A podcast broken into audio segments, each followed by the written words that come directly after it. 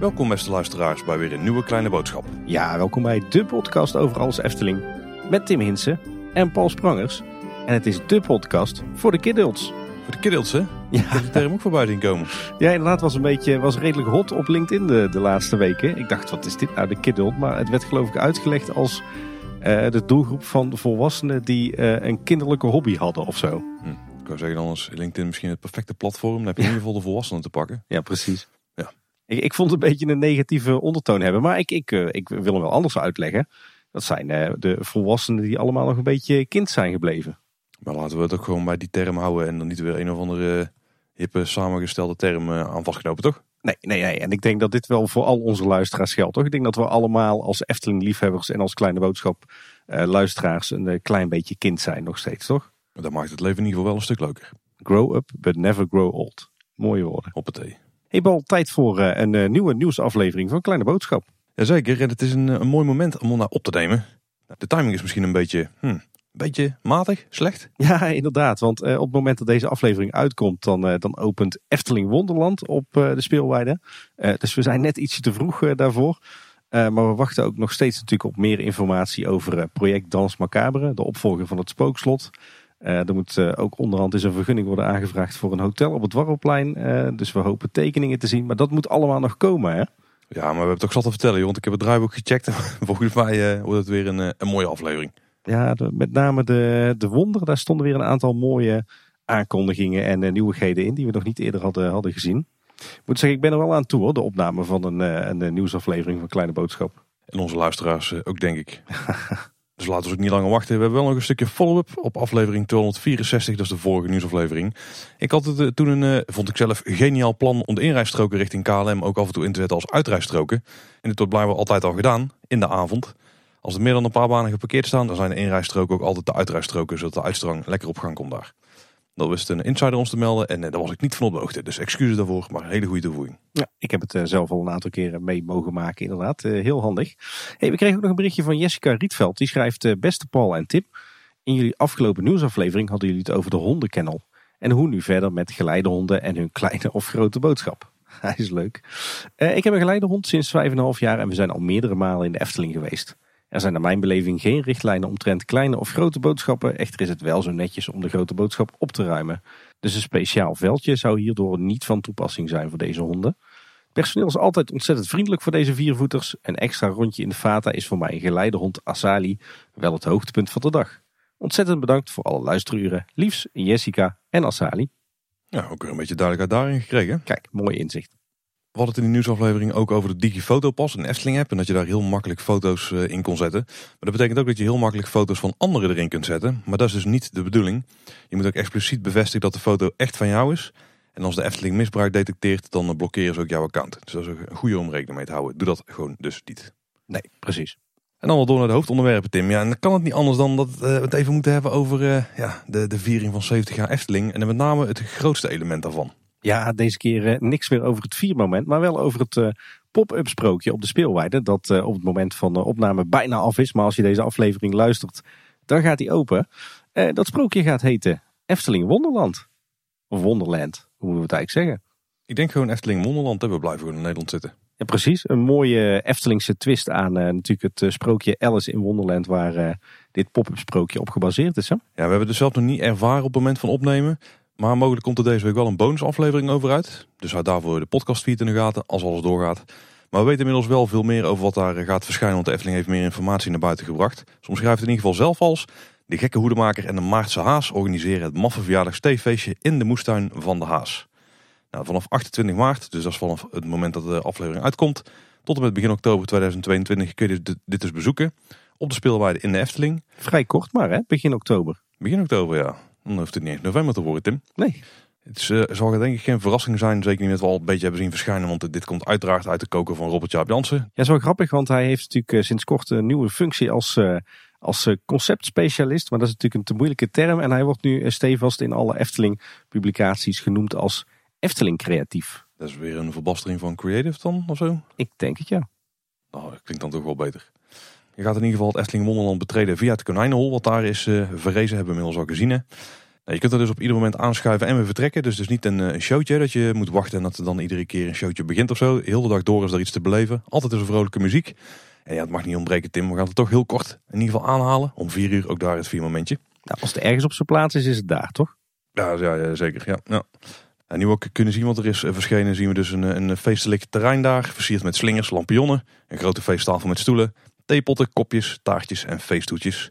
Kan uiteraard niet anders. Er staan ook zeven speciale stoelen en die zijn gereserveerd voor Eftelingbewoners. Ik vermoed dat we die daar dan de hele dag door langs gaan zien komen. De feestgangers zijn de gekke hoedemaker, de Maarse haas en het witte konijn. En die hebben we al gezien, die laatste. Dat zijn echte animatronics, hè, die door de Efteling vormgevers worden vormgegeven. Ja, ik weet niet of ze bewegen. Het zijn in ieder geval wel poppen. Ja. Met de klassieke Eftelingse vormgeving. Nou, volgens mij wordt het decor dus opgezet door die club die we vorige aflevering aanhaalden. Maar het is voor een heel deel toch een uh, eigen Eftelingse productie. Want de kostuumatelier dat vervaardigt de verschillende kostuums van de feestgangers. En decoratie en vormgeving die maakte heel veel van de flinke decorstukken. En dus ook zoals je net al zei Tim, die beeldjes van de hazen en het konijn. En eh, ik heb er ook wel foto's van gezien. Volgens mij was Patrick van een Nieuwhuis daar weer eh, bezig. Ja, die ook precies. bijvoorbeeld de Simbad heeft vormgegeven. Die zien er weer echt heel goed uit. Ja, en uh, vooruitlopend op de opening van Efteling Wonderland stond er ook nog een mooi artikel op de blog. Met een blik achter de schermen bij de opbouw van het pop-up sprookje. Daarin ook weer diverse ontwerpschetsen van het sprookje. Ik denk van de hand van Robert Jaap, maar ik weet het niet zeker. Ook een aantal mooie foto's van de werkzaamheden in de werkplaats van decoratievormgeving. En wat denk ik voor ons het meest interessant was, een grote overzichtstekening van het terrein. Met daarop dus die grote tafel met de taart, een hoop stoelen eromheen. Uh, en nog wat andere elementen die we ook op de speelweide hebben zien verschijnen. En bij de artikel stond er nog een marketingpraat. Zo uh, vertelde Fons dat de Efteling haar 70ste verjaardag in woelige tijden viert. Het belang van samen zijn en af en toe ontsnappen aan de realiteit is belangrijker dan ooit. We hebben duidelijk gekozen voor een sprookje waarbij feest centraal staat. Juist door het tijdelijke karakter maken we dit jubileumjaar extra bijzonder. Tijdelijk, maar wel vernieuwend. Voor het eerst gaan onze, voor het eerst gaan onze bezoekers als eregasten zelf actief meespelen in een sprookjescène. Aha. Samen met de gekke hoedemaker en de Maartse Haas zijn onze bezoekers onderdeel van deze beleving. De Efteling zal altijd trouw blijven aan het sprookje, maar gaat ook mee met de tijd. Interessant om te zien. Fondsen die uh, sorteert hier eigenlijk al voor op de uh, bijzondere en niet meteen heel erg Eftelingse ontwerpstijl. Ja, ik hoop niet dat, een, uh, dat dit een blik in de toekomst is. Nou, nou ja, als ik het, het goed lees, zo tussen de regels door, wil hij eigenlijk zeggen van joh, we zijn ons ervan bewust dat dit heel iets anders is dan wat we normaal gesproken in het Sprookjesbos zouden doen. Maar let op, het is tijdelijk, het is op een, een andere plek. Het is speciaal voor ons jubileumjaar. Uh, dus uh, daarom mag en kan er ook wat meer dan je normaal gesproken van ons zou verwachten in bijvoorbeeld een sprookjesbos. Dat is wat ik erin lees. Maar dingen als de Efteling zal altijd trouw blijven aan het sprookje, maar gaat ook mee met de tijd. En als dit dan meegaan met de tijd is. Ik ben op dit moment mijn hart aan het vasthouden, je ziet het niet, maar. Ja, nee, maar wat Fons zegt, Fons benadrukt dat het echt dat tijdelijke karakter, hè? Ja, anders krijgen ze in ieder geval wel het aan de stok met bepaalde organisaties. Daarover later meer. Robert Jaap die gaf ook nog een quote weg. Op het maffe verjaardag steefeestje is altijd wel een feestganger aanwezig. De altijd drukke Maarse haas nodigt je uit om plaats te nemen in zijn moestuin. Die is helemaal ingericht voor dit speciale feest. Al zingend en dansend probeert hij het theefeestje in goede banen te leiden en tegelijkertijd wat rommel op te ruimen. De gekke hoedemaker heeft voor iedereen een passend feesttoetje en niet passende ruim. Dat kan trouwens wel grappig worden. Hij gunt iedereen een goede hoed en organiseert daarom een hoede modeshow. Het Witte Konijn heeft altijd haast. Ten slotte moet iedereen op tijd zijn op het maffe verjaardagsteefeestje. Je hoort hem van verre en als je goed oplet kun je hem ook wel eens ergens zien. Hij wijst de gasten de weg en roept te pas en te onpas. Het is tijd. Tijd voor feest. Oké, dus samenvattend, als we, uh, als we alles bij elkaar optellen wat we tot nu toe zien, hebben we straks een vast decor. Uh, daarin gaan we een aantal acteurs aantreffen die Efteling-figuren uh, spelen. In een soort van theaterstuk waarin we zelf meespelen, dus een interactief stuk. en her en der zien we ook nog een animatronic opduiken. En dat geheel ondersteund door vrolijke muziek. Is dat een beetje, een beetje wat we kunnen verwachten? Ja, je omschrijft een beetje de Galactic Star Cruiser. Maar ik denk niet dat het precies hetzelfde gaat zijn. En ook een stuk goedkoper dan wel. Ik denk eerlijk gezegd dat Efteling Wonderland meer mijn ding is dan de Galactic Star Cruiser. ik heb ook zo'n vermoeden, ja. Past ook beter in mijn budget trouwens. dat zeker. Hey Paul, het is misschien een beetje gek om uh, dit te vragen op uh, de dag waarop het sprookje opent. Maar als we, afgaan op wat we tot nu toe hebben gezien en gehoord. En wat we een beetje zelf eruit hebben gedestilleerd. Wat, wat zijn er jouw eerste gevoelens bij Efteling Wonderland? Nou, ik snap precies waarom het zo is. Maar ik snap er ook helemaal geen zak van. oh, die moet je even toelichten. Ja, nee kijk, dit is natuurlijk iets van tijdelijke aard. Hè? En de manier waarop deze omgeving is gebouwd, die is ook Natuurlijk op zo'n manier gebouwd dat die niet te duur is. Want ja, het blijft maar een paar maanden staan. Dus je gaat die niet met dezelfde kwaliteit en met uh, dus hetzelfde niveau van vormgeving bouwen als wat je in Sprookjesbos doet. Of weet ik veel wel. Want ik hoop niet dat dit meer dan een miljoen heeft gekost bijvoorbeeld. Kijk, en als je dan 3D vormgegeven decors inzet op de manier zoals de Efteling normaal gesproken doet. Of je maakt ze van polyester of zo. In ieder geval op een manier dat het er nog goed uitziet. Want spuitbeton is hier niet echt een optie lijkt me. Dat is gewoon niet hier iets wat we mogen verwachten. Al hadden het waarschijnlijk ergens allemaal wel gedaan. Want we hadden gehoopt dat hier uh, bijna een gevelrijtje of zo met huisjes zou verschijnen. Hm. Ja, dat mogen we niet verwachten. Dus ja, een heel groot deel van het decor is gewoon heel plat en heel strak vormgegeven. Want dat kan makkelijk met een beetje stijgerwerk en uh, wat plaatwerk gebouwd worden. En dan wat bestikkering erop. Dus ik snap waarom het op die manier is opgezet. Alleen ja, de manier waarop het anders uitgevoerd, die raakt. Want ik heb even de, de, foto's die ik in ieder geval heb gezien, want ik heb er nog niet super veel van in het echt gezien, heb ik even langs de schaal van Kleine Boodschap gelegd. Dus hoe Eftelings is het? Nou, er worden maar vrij weinig punten afgetikt. En daar zitten dan bijvoorbeeld in van die dingen als die blow-up wortels en groenten en weet ik veel wat we allemaal zien. Bramen zag ik voorbij komen bijvoorbeeld. Ja, en paddenstoelen en dat soort dingen. Paddenstoelen zijn dan het enige zo nog een beetje kan, want die hebben in Sprookjesbos misschien ook nog wel. Want uh, anderhalf jaar geleden of zo, was er een blow-up aardbei verschenen bij de Gulden Garde. Nou, toen uh, was alles, uh, was de Efteling te klein, zeg maar. En toen, toen is er ook meteen wel aan gedaan, ook door de vormgevers. hebben we toen ook nog gehoord in aflevering 200. Ja. nu zetten ze daar de hele speelweide in één keer mee vol. Dan denk ik, ja, dat is wel een beetje, weet je wel, de ene slaat niet aan bij het ander. En dan krijg je ook nog van die dingen als, dan heb je het konijnhol waar je erheen loopt. Nou, dat, dat was in concept best prima. Maar dan hebben ze daar weer een of andere bunnyhoed of zo opgebouwd, weet je wel met, met zo'n heel groot uit gras opgetrokken konijnen, konijnenoren hoofd, waar dan daar konijn in zit. Ik denk, ja, dat is zo cartoonesk. Ja, dat, dat, sluit helemaal niet aan bij de waarde die de Efteling normaal gesproken heeft. Ik snap het ding, maar kan het wel eens zijn vingers zien omdat het dus van tijdelijke aard is. Dus daar slaat ons fonds dan wel de spijker op de kop. En het showtje kan nog steeds heel leuk zijn. Daar ben ik heel benieuwd naar. Daar ga ik graag ervaren wat daar gaat gebeuren. Maar stel technisch uh, snap ik hier niet zo heel veel van. Maar uitvoeringstechnisch snap ik het heel goed. Ja, ik moet zeggen, ik, uh, ik hink uh, ook enigszins op twee gedachten. Om maar weer een kleine boodschap klassieker uh, naar boven te halen. Ik zit wel redelijk op één lijn met jou. Alhoewel, ik denk dat ik misschien net wat optimistischer ben. Ik moet zeggen, ik vind het een, een hele mooie ontwerpstijl. Tenminste, het, het, is, het is heel consequent. Het, het, is, het is best wel uniek en bijzonder. Fraai om te zien. het heeft weinig tot niets met Efteling te maken in de basis. Hè. Het, het is vrij generiek. Het zou zo uh, in, in ieder ander park van hoog niveau uh, kunnen staan. Zeker uh, de, de, hele backdrop. de laatste dagen wel verrast met toch wat Eftelingse elementen. Hè? Die taartjes, de paddenstoelen, de, de hazen en het konijn. Die hebben toch allemaal wel echt die typisch Eftelingse touch. maar toch, het, het, geheel voelt inderdaad totaal niet typisch Eftelings of zo. maar ik vind de, de kwaliteit waarin alles is uitgewerkt wel verrassend hoog voor zo'n tijdelijk sprookje. Zeker uh, die, die elementen op de, op de voorgrond. Die moeten we even van dichtbij gaan zien. Maar het komt mij heel erg over als een beetje eh, gewoon een in elkaar geknipte Photoshop magazine cover. Ja. Die ze in het echt hebben uitgebouwd. Ja, dat, dat voel ik wel. Ik moet zeggen, inderdaad, die, die, die, die backdrop, die achtergrond, die bestaat uit die stijgerconstructie met die doeken. Ik snap inderdaad de techniek. Eh, is niet vrij. Uh, maar goed, het is wel typisch voor zo'n tijdelijke constructie die je ook op veel festivals zult aantreffen. Het stelt je deed me trouwens ook heel erg denken aan de huisstijl van uh, Efteling Midzomernacht of het Midsummer Night eh, Festival.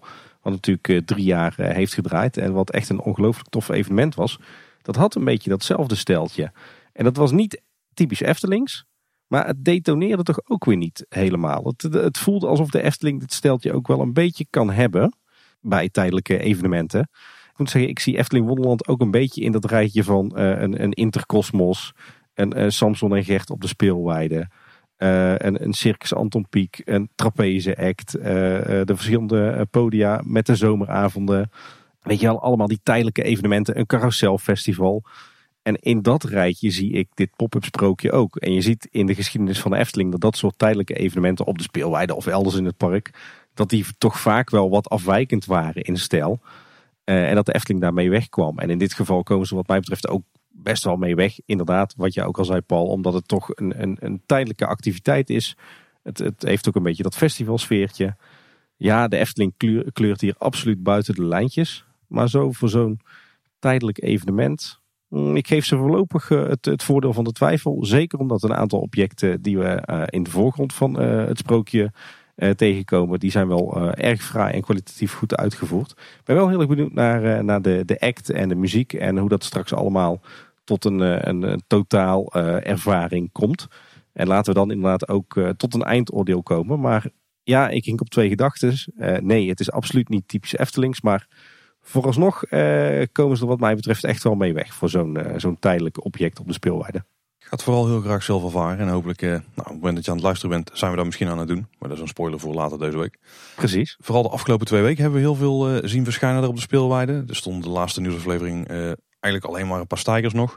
Ja, je ziet dat er bij eh, die club, hè, Create BV, dat die met name uh, zeg maar de, de backdrop heeft gebouwd. Hè, dus die achterconstructie met die doeken en dat uh, stijgermateriaal hebben ze trouwens wel netjes afgewerkt. Hoor, want aan de achterzijde waar je opkijkt vanuit bijvoorbeeld de, het pad langs de Groene Lettervijver, daar hebben ze het ook allemaal mooi afgewerkt met zwarte doeken. Dus dat is wel, wel netjes opgelost. en je ziet dat met name de Efteling zelf, dus de afdeling decoratie en vormgeving, dat die zich vooral hebben bezig gehouden met ja, de echte 3D decor objecten die straks eh, eh, zeg maar op de voorgrond verschijnen. Uh, daarnaast is er ook gewerkt door de tuindienst, ondersteund door Brouwers Groenaannemers aan de hele groene aankleding van het geheel. En wat ook nog wel opvallend was, is dat naast dat decor en die backdrop, dat we ook op plekken wat schaduwdoek zagen verschijnen. Misschien zijn dat de plekken waar je in de zomer, als het wat warmer is, wat beschut kan staan. En ook allerhande blokhutjes hier en daar op het terrein. Ook nieuw hè? Ja, er, werd zelfs, er werden zelfs meerdere hutjes echt uh, nog in hout uitgetimmerd ter plekke. Mogelijk uh, kleedruimtes voor de acteurs misschien, uh, regieruimte. Regieruimte, dat is een goeie. Want ik neem aan dat de acteurs wel meer achter de schermen gaan omkleden. Dit leek aan de voorkant van het geheel te zijn. Ja, en wellicht dat we hier ook nog wat horeca gaan terugvinden voor, voor bezoekers. Ja, vast wel. Ja. Het beslaat in ieder geval zo goed als de, de volledige speelweide. Ze hebben ook nog een aardige back of the house inderdaad aan de achterkant. Achter die, die grote stellage waar ook nog een hoop keetjes staan en dergelijke. Dus enorm terrein geworden. Hij wordt buiten het decor zelf ook het terrein opgeleid met een hoop banieren. Het is tijd, tijd voor feest, prijkt daarop. Ja, en wat er allemaal in het decor daar gaat gebeuren, Tim, daar moeten we toch een paar dagen lang verwachten. Dat, uh, dat gaan we uitgebreid beschrijven inderdaad, als we het, het geluk hebben om zeer binnenkort Efteling Wonderland te bezoeken. Overigens bij die banieren, het is tijd werkt het bij mij in mijn hoofd nog steeds zo dat als ik dat lees, dat mijn eerste gedachte is: het is nu. Voor de taart, ja, ja. Tijd voor de taart. Nou goed, jij kent hem ook, eh, neem ik aan. Het is vooral dat jij me mij erin hebt gehamerd. De afgelopen 260 afleveringen. En echte Efteling-klassiekers. Dan weet het hele land hier wel te feesten vieren. Er komt ook een uniek 70 jaar souvenir, Tim. Nou, niet één hoor, maar uh, een heleboel. Ja, maar eentje die staat nog wel op een hoger niveau dan de rest. Ja, we krijgen namelijk een bijzondere tafellinnenset. Uh, die is ontwikkeld in samenwerking met het Textielmuseum in Tilburg. En die, uh, die linnenset die gaat bestaan uit een tafellaken, een tafelloper, twee servetten en een theedoek. En die zijn uitgevoerd in damast. De tafelgoed dat wordt geproduceerd in het textiellab van het museum. En zal vanaf begin juni exclusief verkrijgbaar zijn bij de Marskramer. En de tafellinnenset is in een hele beperkte oplage beschikbaar. Is ook echt van, van een hoog kwaliteitsniveau. Dus de prijs is wat dat betreft wel inherent. er worden slechts 150 tafellakens gemaakt, 200 tafellopers en 300 sets van twee servetten. de theedoek die zal trouwens wel in grote oplagen beschikbaar zijn. En zo'n set theedoeken die gaat straks 20 euro kosten. Het tafellaken 175 euro, de tafelloper 45 euro en de set servetten 30 euro. het ontwerp is van een van de grafische ontwerpers van de Efteling, Jasper Douwenburg. Uh, en het gaat om een modern ontwerp met een klassiek gevoel waarin het Sprookjesbos centraal staat. We hebben die ontwerpen nog niet gezien hè? Jou is nog heel erg eh, geheim. Die zijn inderdaad nog heel erg geheim, ja dat klopt. Het idee is van Carla de Kroon. Die heb je ook al eerder in Kleine Boodschap kunnen horen in de aflevering over Caro. Zij kende textiel al van eerdere samenwerking. Want ze hebben bijvoorbeeld ook speciale stoffen voor Klaas Vaak en Ravelijn gemaakt. En voor haar 25-jarig jubileum bij de Efteling had ze een speciale theedoek laten ontwikkelen door het textiellab. Die werd erg enthousiast ontvangen door onder andere de afdeling retail, afdeling ontwerp en uiteraard kostuumatelier, wat ze dan voornamelijk zelf is. En toen werd er besloten dat er eh, ook commercieel wel iets uit te halen was. En daar is eigenlijk dit hele setje uitgekomen. Ja, nou ja, commercieel, commercieel. Het is vooral natuurlijk echt een, uh, ja, een high-end uh, exclusief souvenir hè, van uh, ja, hoog kwaliteitsniveau. Zoals voor de Efteling interessant zijn voor het textiellab en uiteraard ook voor degene die het gaan kopen ja, ik denk wel voor de echte Efteling-liefhebbers. Als je dit, uh, dit bedrag neerlegt voor een uh, tafel in de set, dan ja, moet je wel echt iets met de Efteling hebben. Of met het product Damas natuurlijk. Ik vraag me af in hoeverre het dan op tafels terecht gaat komen. Of dat het gewoon netjes in samlabakken ergens op zolder komt te liggen. ik zeg even niks, Paul. Tim, je had er ook iets over te melden blijkbaar. Want Omroep Brabant die had jou gebeld. Want die wilde even de blik van een echte Efteling-kenner op dit, uh, dit feitje krijgen. Dus check zeker even het artikel wat Tim in gequote wordt. Ja, ja de hamvraag was grappig genoeg. Eigenlijk is dit souvenir niet veel te duur. Waar mijn reactie natuurlijk was, ach, Een echt mooi souvenir kan nooit te duur zijn voor Efteling-liefhebbers, toch? Dat is een hele geldige conclusie, zeker. Ik denk dat er heel veel mensen zijn die daar geld gewoon aan pins uitgeven in een, standaard, in een gemiddeld jaar. Zeker als er wat nieuwe zitten in de eieren. Ja, precies. Nou ja, ik moet zeggen, ik had een heel genuanceerd opgebouwd verhaal, maar het werd uiteindelijk samengevat in drie korte zinnen. Het format krantartikel, daar past niet echt goed bij hoe wij graag dingen brengen. nee, precies. Hey, trouwens wel een leuk, uh, leuk extraatje. Ook deze tafel in de set die werd aangekondigd in het nieuwe wonder. En uh, lezers van de wonder krijgen tot en met januari 2023 het tweede entree-ticket gratis voor uh, de expositie over Damast in het Textielmuseum in Tilburg. Het museum is zeker een bezoekje waard als je wat meer wil weten over de historie van Tilburg hè, met de textielindustrie. Leren we er ook over de kruikenzeikers? Absoluut, zeker. Nou, ja. cool. Nou, we gaan binnenkort een keer kijken. Opvallend, er ligt al een tijdje een, een nieuwe thee- en keukendoekenset in de Marskramer. Zo, die is verkrijgbaar in grijs en rood en die kost 10 euro per set van thee- en keukendoek. Is wel een heel ander kwaliteitsniveau dan het, uh, het niveautje van die tafel in de set die uh, dus samen met het Textielmuseum is uh, ontwikkeld. Dat absoluut. En naast het redelijk high-end stukje merchandise komt er ook meer andere jubileum merchandise. Vanaf 28 maart in Efteldingen, Jokies Wereld en de Marskramer is er namelijk een heel assortiment. Alles een huisstijl van Efteling 70 jaar. En dat bestaat onder andere uit bewaarblikken, die zijn dan gevuld met stroopwafels. Dus kunnen je prima op tafel tijdens de opname. Een eh, mintblikje, een Big Shopper tas, t-shirts in rood of blauw, balpennen, koffiemokjes, een keycord, een notitieboek, paraplu, een waschijn mystery puzzle. Ik weet niet helemaal hoe die uh, mystery puzzles werken. Die heb ik dus nog nooit gedaan. Volgens mij is de puzzel van duizend stukjes. En terwijl je die maakt, dan zie je wat er gebeurt als Pardoes met zijn twinkeltoorts uh, rondzwaait. Volgens mij is het plaatje op de doos dus anders dan hetgeen wat je daadwerkelijk gaat leggen. En die puzzel die komt uiteindelijk ook in uh, verschillende winkels te liggen in Nederland en België voor 20 euro. Maar de eerste maand is hij alleen maar in de Efteling te. Ik vond het echt wat voor jou. Ik denk, Paul die weet wel wat een wasgij mystery puzzel is. Ja, wasgij is volgens mij gewoon het merk. Maar wat een mystery puzzel, ja, ik ken ze dus wel. Je hebt ook escape room puzzle en zo. Nou, dat klinkt dan echt helemaal als iets voor mij. Maar die heb ik ook nog nooit gedaan. Dus uh, misschien een wereld die nog moet openen voor me. Wasgij klonk wel als een Brabantse uh, bedrijfsnaam. Ja, dat wel hè. Ja. Als gij. Dat moet er wel bij. Dat moet er wel. Ja, dus moet ik wel zeggen, deze souvenirlijn, het is allemaal een beetje, een beetje van die standaard corporate meuk, toch? En dan gooit er maar het, de, de, de jubileum layout overheen en dat was het. Nou, ik moet zeggen dat die mokken toch met zo'n gekleurde binnenkant, in plaats van gewoon een standaard witte binnenkant, en daarin ook nog afbeeldingen, die zijn op zich wel aardig. Zeker als je van uh, mokken houdt die je bij pretparken kunt sparen. Maar de meest voor de hand liggende souvenir die ze eigenlijk hadden moeten maken, of meer een gebruiksvoorwerp, die hebben ze er weer niet tussen staan. Waar blijft nou de inpakpapier met dat steltje? Oh ja, vrek. Daar hebben we het al eerder over gehad. Ja, dat wordt inderdaad eh, de hoogste tijd. Maar in ieder geval wel fijn dat er ook wat, eh, wat nieuwe merchandise is in het thema van 70 jaar Efteling die voor iedereen betaalbaar is. Hè?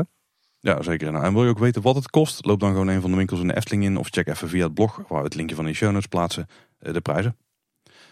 Ja, en dan grote nieuws Tim. Het was twee weken geleden nog niet bekend bij ons dat dit ging gebeuren. Maar inmiddels is het aangekondigd. Is de ticketverkoop in gang gezet. En zie ik al heel veel mensen die hierheen gaan. Want ja, het is toch wel echt een van de tofste evenementen, denk ik, die ze hebben aangekondigd rondom de 70 jaar Efteling vieringen. Absoluut. Er komt een Efteling in concert. Yes. Ja, dat is goeie ander toch? Wat een tof nieuws was dit zeg. Dit was echt een verrassing hè. Ze hebben natuurlijk ruim van tevoren van alles aangekondigd voor hun 70ste verjaardag. Maar eh, hier hebben ze nog niks eh, van laten doorschemeren de afgelopen maanden. Dus dit was echt een uh, ontzettend toffe verrassing.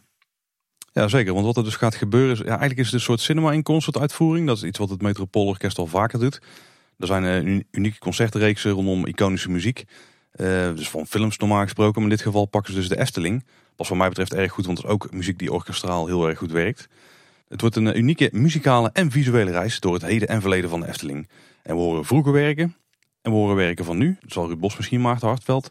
En in ieder geval René Merkelbach muziek gaan horen. Zeker. Het is wel zo dat het Metropoolorkest een speciaal ontwikkelde suite speelt. Waarin de muziek van de Efteling voor iedere bezoeker op majestueuze wijze tot leven komt. Is mij verteld in een persbericht. Ja, ik kan niet wachten. Dit moet toch fantastisch worden. Ik geloof dat de voorstelling een uur en een kwartier duurt. Oh. Ja, een uur en een kwartier in een luxe stoel gezeten.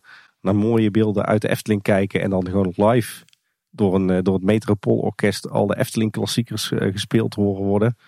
Dit wordt geniet hoor. Dit wordt kippenvel. Dit wordt uh, tot tranen geroerd denk ik voor velen. Ze pakken het vrij ambitieus aan. Want het is niet zo dat ze het Efteling Theater een paar keer openstellen. Nee, ze hebben gewoon voorstellingen in Ahoy. Ja, wel bekend. Mijn oude stekkie hè? Ja, zeker. En de mainstage van de Brabanthallen. Dit zijn gewoon de grote zalen, Tim. Ja, en uh, dat is uh, in oktober van dit jaar al. Uh, en in januari 2023, dan gaat Efteling in concert ook naar België. Want dan staan ze in de Lotto Arena in Antwerpen. En dat is ook niet zomaar een miserig zaaltje. Hè? Zo. Nee, dat is ook een flinke zaal, ja. Als je abonnementhouder bent, dan heb je inmiddels al tickets kunnen kopen. De reguliere ticketverkoop die start op 16 april. De laatste keer dat ik heb gekeken, toen waren er nog zat plekken beschikbaar in ieder geval. In de Brabanthallen, want dat is voor ons uiteraard een interessante locatie om te gaan kijken. Lees je nou de wonder, dan kun je vanaf 9 april tickets bestellen. Ik heb geen idee waarom die dan, dan eerder kunnen dan degene die niet de wonder lezen. Want die mogen blijkbaar pas een week later gaan kijken. Als je abonnementhouder bent, check in ieder geval je e-mail. Daar zit dus de, de e-mail in met de link naar de pre-sale. Je kunt dan maximaal vier kaartjes per persoon kopen. Ja, en ik geloof dat uh, vandaag op de, de dag van opname... dat, uh, dat iedereen zich ook kan uh, inschrijven voor de volverkoop, als het ware. Dus ongeacht of je nou wel of geen abonnementhouder of wonderlezer bent... inmiddels kan je al op de lijst zetten en ben je volgens mij verzekerd van kaartjes. Ik had wel een stormloop verwacht van abonnementhouders... Maar ik denk dat het voor veel abonnementhouders qua prijs misschien toch net wat te hoog gegrepen is. Want er zijn inderdaad nog voldoende kaartjes over.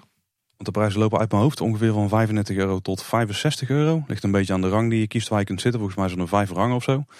Maar het is ook niet super vreemd dat die zalen niet helemaal uitverkocht zijn. Want het zijn echt gigantische zalen. Er kunnen volgens mij, ik heb geen idee, een paar duizend man in zo'n zaal of zo. Oh, met gemak. Ja ja, ik denk misschien wel richting de 8000 of zo. Ik heb geen idee, ik heb niet geteld. Maar in ieder geval in de Brabanthallen was het al een gigantische zee aan stoeltjes. Dus ja, eer dat je die vol hebt met alleen abonnementhouders die hier ook interesse in hebben, kan even duren. Wij hebben in ieder geval uh, onze tickets al uh, in de pocket. Wij hebben ook zeker al tickets in de pocket. We gaan zelfs met de kinderen. Voorstelling van half vijf. Nou, heel tof. Wij gaan, uh, wij gaan s'avonds met z'n tweeën. Ik geloof dat ongeveer onze hele redactie ook van de partij is. Ja, volgens mij wel ja. ja. Inmiddels is er ook een trailer uitgebracht met muziek van een Vliegende Hollander. Die is opgenomen op verschillende donkere plekken in het park. Daar zien we onder andere een violiste de muziek spelen. En misschien ook goed om te weten, dan heb je iets meer context van de club die dit organiseert. Cineman Concert heeft in het verleden al eerdere concerten dus georganiseerd. En daarbij speelt ze onder andere de soundtracks van Harry Potter, The Godfather, Love Actually en Home Alone. Ik ben hier volgens mij al meerdere malen bij zo'n concert geweest. Ik weet niet of ze allemaal van Cinema en Concert waren. Want ik meen me te herinneren dat ik ook ooit naar zo'n avond ben geweest rond The Gladiator. En ook een keer een avond rond Pirates of the Caribbean. Dat was in ieder geval iedere keer ontzettend tof. Nee, het wel goede filmmuziek smaakt in. Ja, ja, eigenlijk wel. Dank je. ik weet dat de Rotterdam Philharmonisch Orkest volgens mij ook dat soort avonden organiseert. Er is nog een bekende van de show bij betrokken. Daar zal ik dan waarschijnlijk bij geweest zijn. In ieder geval altijd duizend keer toffer om om zeker uh, klassieke muziek om die live uitgevoerd uh, te horen. Het is voor mij heel lang geleden, dus ik ben uh, heel benieuwd. Voor mij, ik was een aantal aas op een kaartje voor Hans Summering concert, maar dat is een, die waren helemaal duur. Concerttickets zijn echt duur geworden. Oh, daar zijn we ook geweest. Maar dan daar zijn wij in, de, daar zijn wij in Oberhausen naartoe geweest. Daar heb je Gladiator ook gehoord. Ja. Dus misschien haal je daar wat dingen door, door de war. En er zat Pirates of the Caribbean ook bij. Nee, nee, vriend. Ik ben echt. Uh, dat, dat waren echt verschillende, verschillende avonden. Want die andere twee, dat was in de Doelen in Rotterdam. Dus, uh, oh, dat is net wel anders. En ik kan de Rotterdam en Oberhausen echt wel uit elkaar halen. Bijna hetzelfde accent. Hey, interessant horeca nieuws. Want vanaf april 2022 gaat het nieuw concept starten in het Wapen van Ravelijn. Klassieke Bourgondisch diner wordt uh, iets uitgebreider, zo lijkt het. Het wordt namelijk een Bourgondisch theaterdiner voor de hele familie. Het wordt echt een dinnershow, hè? Ja, want wat we daar gaan doen is het overwinningsfeest meevieren. Want volgens mij is het idee dat het eten altijd start nadat de show is afgelopen. Mm -hmm. En daarbij gaan we ook de geheimen van Ravelijn ontdekken. En het wordt een avond vol heldhaftige verhalen, geweldige liederen en speciale training voor kinderen in de ruiterschool. Hey, dus je kunt ook even op je gemak eten zonder kinderen. Nou ja, als ze erbij zijn dan krijgen ze in ieder geval speciale training. Ik weet niet in hoeverre je daar zelf ook bij betrokken wordt. Eten zelf gaat bestaan uit een Bourgondisch drie gangen menu, inclusief drankjes. Prijs hiervoor wordt 54,50 voor volwassenen en 27,50 voor kinderen. Op het eerste oog vrij prijzig. Dus daarvoor uh, eten in een pretpark. Maar toch met, met een dinnershow erbij. Het niveau kunnen we nog niet inschatten natuurlijk. En ik weet ook niet wat het eten gaat inhouden. Of het de klassieke kip wordt en uh, de ratje toe. En dat soort zaken. Maar toch, toch voel ik er echt wel voor om naar eens een keer te gaan kijken. Dit klinkt wel heel erg aanlokkelijk, ja. je kunt vanaf 31 maart gaan reserveren. En het nieuwe theaterdiner dat start vanaf 13 mei. En we weten inmiddels ook hoe het programma eruit ziet. Uh, dankzij een update op de Efteling website. De avond die start natuurlijk in de magische stad Ravelijn. Waar je vanaf een speciaal deel van de tribune de spectaculaire parkshow bekijkt. Daarna krijg je de kans om nog een unieke foto in de arena te maken. In de arena? Ja, dat is natuurlijk al een hele leuke perk. Ja. vervolgens heet de herbergier je welkom in het wapen van Ravelijn. En daar staan al verschillende lekkernijen klaar. Nou, dat zal natuurlijk je, je voorgerechtje zijn. Uh, en vervolgens worden de kinderen meegenomen door ruiter Thomas en Samira. Deze komt eindelijk uh, terug. Uh, die worden meegenomen naar een geheime plek waar ze in de ruiterschool de fijne kneepjes van het ruitervak leren. Ja, maar waar zouden we dan heen gaan? Tussen de kinderen. Ja, ik denk eh, misschien naar de andere vleugel van het restaurant. Het, natuurlijk, eh, het ligt natuurlijk een beetje in een L-vorm, hè? Helemaal, ja, achterin is va- vaak leeg. Tenminste, de paar keer dat ik er ben geweest.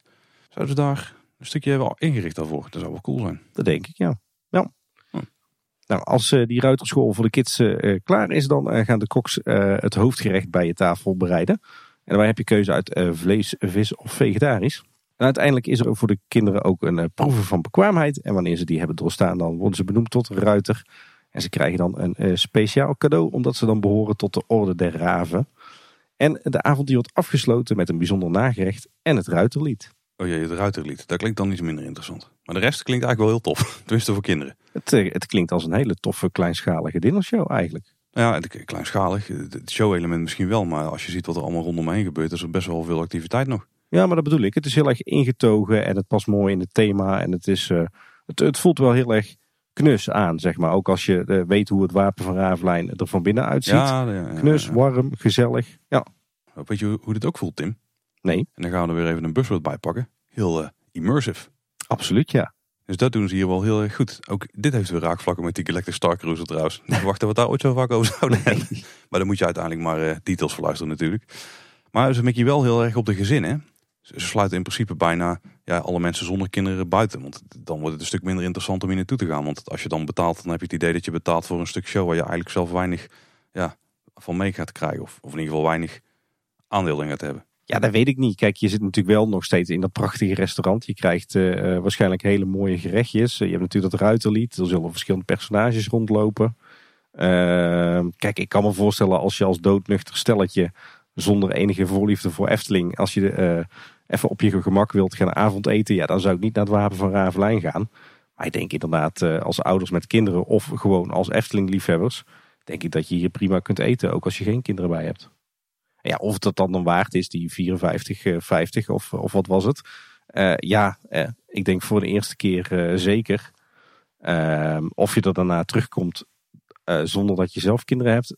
Kleine kans misschien. Maar goed, het zal ook afhangen van het, eh, van het niveau van het eten en van het entertainment. Ik vind het eh, wel een, eh, een hele toffe verandering. En inderdaad, wat je al, eh, al zei. Het, eh, hier komt ook weer heel veel eh, samen. Hè. Hier eh, is eigenlijk een blend van de, de, de parkshow.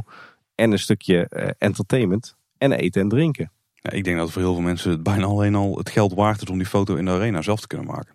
Ja, ik weet niet wat hij precies in gaat houden, maar dat klinkt in potentie ook al wel vrij, eh, vrij cool. Weer iets dat we moeten gaan uitproberen, Paul. Ja, en het is iets wat sowieso het aanbod weer wat diverser maakt. Hè? En het eh, geeft ook weer de mogelijkheid aan andere horecagelegenheden, voor nu of in de toekomst, om die, eh, diezelfde groep te bedienen. Of misschien nog wel een bredere groep te bedienen dan dat het Wapen van Ravelijn eerst deed. Omdat dit nog specifieker op één hoek gaat zitten. Maar waar ik vooral benieuwd naar ben is hoe ze mensen hier weer naar binnen gaan trekken. Want dat is nog steeds wel het grootste probleem van het Wapen van Ravelijn. Dat het zo'n onzichtbare horecalocatie is. Ja, ze zullen dan echt wel aan eh, flinke opzichtige eh, promotie moeten gaan doen, hoor. Dan zouden ze het bijna gaan omroepen in de show of zo. Van, eh, of er dan iets mee gaan doen. Of dat ze dan zien dat die mensen naar de rand die arena in mogen. Of misschien wel direct. Of dat ze dan worden meegenomen en dat mensen dan daardoor getriggerd worden om dat in de toekomst te gaan doen. Maar aan de andere kant, misschien wil je juist mensen trekken die Ravelijn dan die ene keer meemaken. En dan het hele showtje erbij krijgen. Want dan, als dat jouw eerste Ravelijn ervaring is, dan is dat denk ik iets wat je niet heel snel gaat vergeten. Nee, dat is subliem. Nee, ja, misschien dat ze ook wel die acteurs die eh, s s'avonds in de theatershow spelen... dat ze die ook bijvoorbeeld op het Ton van de Ventplein zetten overdag... om wat mensen naar binnen te lokken. Ja, dus ja, dat kan ik me aan de ene kant wel voorstellen. Aan de andere kant, wat ga je dan doen van, oh, komt u eten, dit en dat? Oh ja, dat is goed. En uiteindelijk gaat het dan wel een keer over geld. En dan valt het natuurlijk een beetje ineen. Die drempel die zou je al eerder genomen moeten hebben, bijna, zeg maar. Of daar zou je al eerder voor warm gemaakt moeten worden. Want anders dan voelt het voor die acteurs ook wel dat ze daar sta- daar staan te proppen. In plaats van dat ze mensen gewoon naar een show leiden. Maar dan ga je ze gewoon proberen geld uit de zak te kloppen. Min of meer. Zo gaat het voor de Nederlander in ieder geval voelen. Ik denk dat het hand in hand met elkaar zal gaan. Inderdaad gewoon wel promotie op het plein eh, voor de show. En inderdaad in de show ook nog een stukje promotie. Ik ben benieuwd hoe ze daar gaan aanpakken. Maar ik heb er zelf wel zin in om hier een keer eh, uitgebreid te gaan dineren. Lekker Burgondisch, hè. Absoluut. Hey, en als dit nou een eh, succes wordt, dan hoop ik wel op eh, meer van dit soort relatief kleinschalige dinnershows bij Efteling Horeca. Nou ja, jij zegt kleinschalig, maar het Wapen van Ravelijn is stiekem echt een enorm horecapunt. hè. Ja, maar bij, bij dinnershow denk ik al snel aan zo'n eh, Joop van der Ende productie met een showtrap. En heel veel danseressen met korte rokjes. En dit is toch wat knusser en intiemer, denk ik. Toch een beetje die, de afgeleide van de Adventure Club, wat ooit beoogd was voor een uitreik. Ja. Nou, we, gaan het, we gaan het meemaken. Gaat absoluut de goede kant op. En Tim, iets anders ongelooflijks wat we dus blijkbaar ook gaan meemaken... is dat het huisje van vrouw Holle wordt herbouwd. Nou konden we dat de vorige keer in de aflevering al melden. Toen we hem op, aan het opnemen waren op donderdagavond. Toen wisten we er nog niks van. Maar we werden op vrijdag eh, ingelicht toen we daar een paar meter vandaan zaten van... Hey, dit wordt dadelijk aangekondigd. En toen konden we snel nog een, een soort voice clipje innemen op locatie. Maar toen wisten we nog helemaal niks. Behalve dat het herbouwd ging worden. Maar inmiddels weten we meer hè? Toen waren we echt de razende reporters op locatie. ja, waren er als eerste bij. En behoorlijk euforisch op dat moment. En nog steeds, moet ik zeggen. Want we weten inmiddels veel meer. Want inmiddels is het betreffende bericht ook naar buiten gebracht. De projectleider van de herbouw, dat is Mark Elings. En die, die weet ons te vertellen dat in april de eerste bouwwerken op de locatie zichtbaar gaan zijn. En dan wordt er gestart met de opbouw van het huisje. Voordat het huisje van vrouw Hol in 2019 afgebroken werd, is het tot op de millimeter nauwkeurig gescand. Kijk. Deze 3D-scan maakt het mogelijk om een vrijwel identiek huisje terug te zetten. Mooi. Hebben ze het recent ook niet op andere plekken gedaan, Tim? Hmm, Oké. Wel moet het nieuwe huisje voldoen aan de huidige bouwbesluiten. En daarvoor moeten we bijvoorbeeld de deuropening iets verhogen en wijzigt de grootte van de raamkozijn iets. Maar de sfeer van het huisje blijft hetzelfde. Bij de slopen hebben we een aantal authentieke elementen kunnen behouden, zoals de grote stenen die dienden als omlijsting van de deuren. Nou, die konden denk ik eigenlijk wel wat beter, dus ik ben benieuwd hoe ze die, hoe die gaan terugbrengen. Um, die elementen worden zoveel mogelijk teruggeplaatst. Naar verwachting kan vrouw Hollet in de winter weer laten sneeuwen in de Efteling. In de winter, dat is precies op tijd. Kijk, dit is uh, stuk voor stuk geweldig nieuws hè. Ja, dit klinkt ook Echt fantastisch uh, dat, het, uh, dat het huisje vrijwel identiek kan worden teruggescand. Omdat ze zo snugger zijn geweest om het, het oude huisje helemaal in te scannen voor ze het gingen slopen. Heel tof. Er niks over eventueel plussen, maar wel het feit dat bijvoorbeeld die deuropening wat hoger wordt. En als het alleen maar een decoratieve deur is, dan hoeft het natuurlijk niet. Want dan kun je er volgens mij van maken wat je wil. Ja. Maar dit zal dan toch een deur zijn waar regelmatig mensen in en uit gaan. Maar misschien als het als omkleedruimte gaat dienen, dan moet er ook al als personeel er regelmatig doorheen moet. Maar het zal niet alleen maar een deurtje zijn die toegang geeft tot de onderhoudsruimte. Nou ja, ook het feit dat, de, dat de ramen groter worden, wil wel wat zeggen. Want uh, als je het hebt over daglichttoetreding, dan uh, zit er toch wel vaak een gebruiksfunctie in.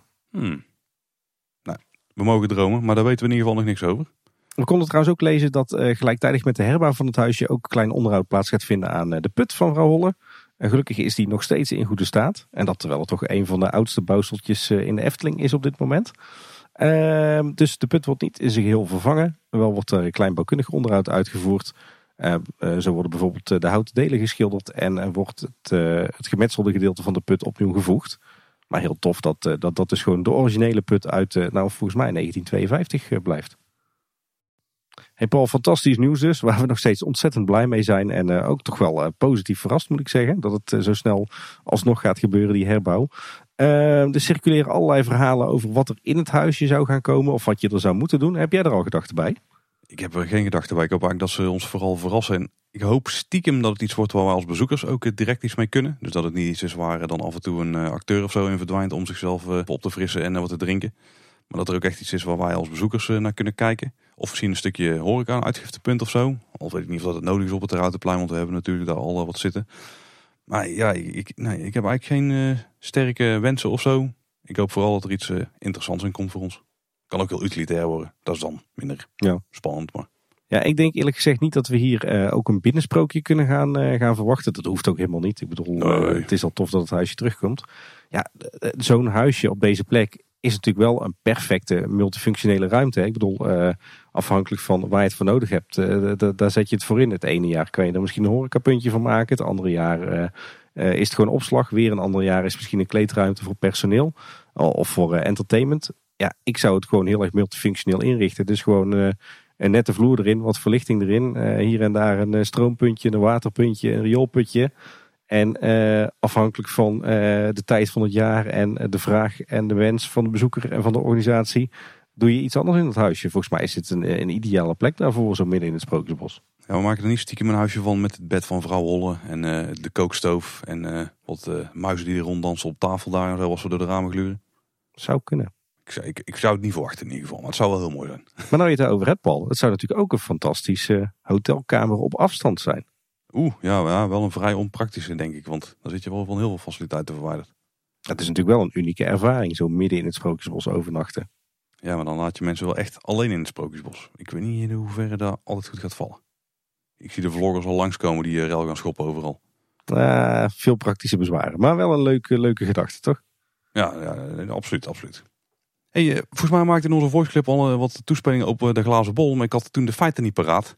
Ik dacht namelijk dat ik punten ging verloren omdat ik weer had voorspeld dat het huisje niet werd herbouwd. Vorig jaar heb ik daar punten op gescoord. Maar het bleek precies andersom te zijn, Tim. Jij hebt wel punten gescoord omdat jij wel had voorspeld dat het huisje herbouwd ging worden dit jaar. Kijk, Dus eh, punten voor jou. lekker. Op thee.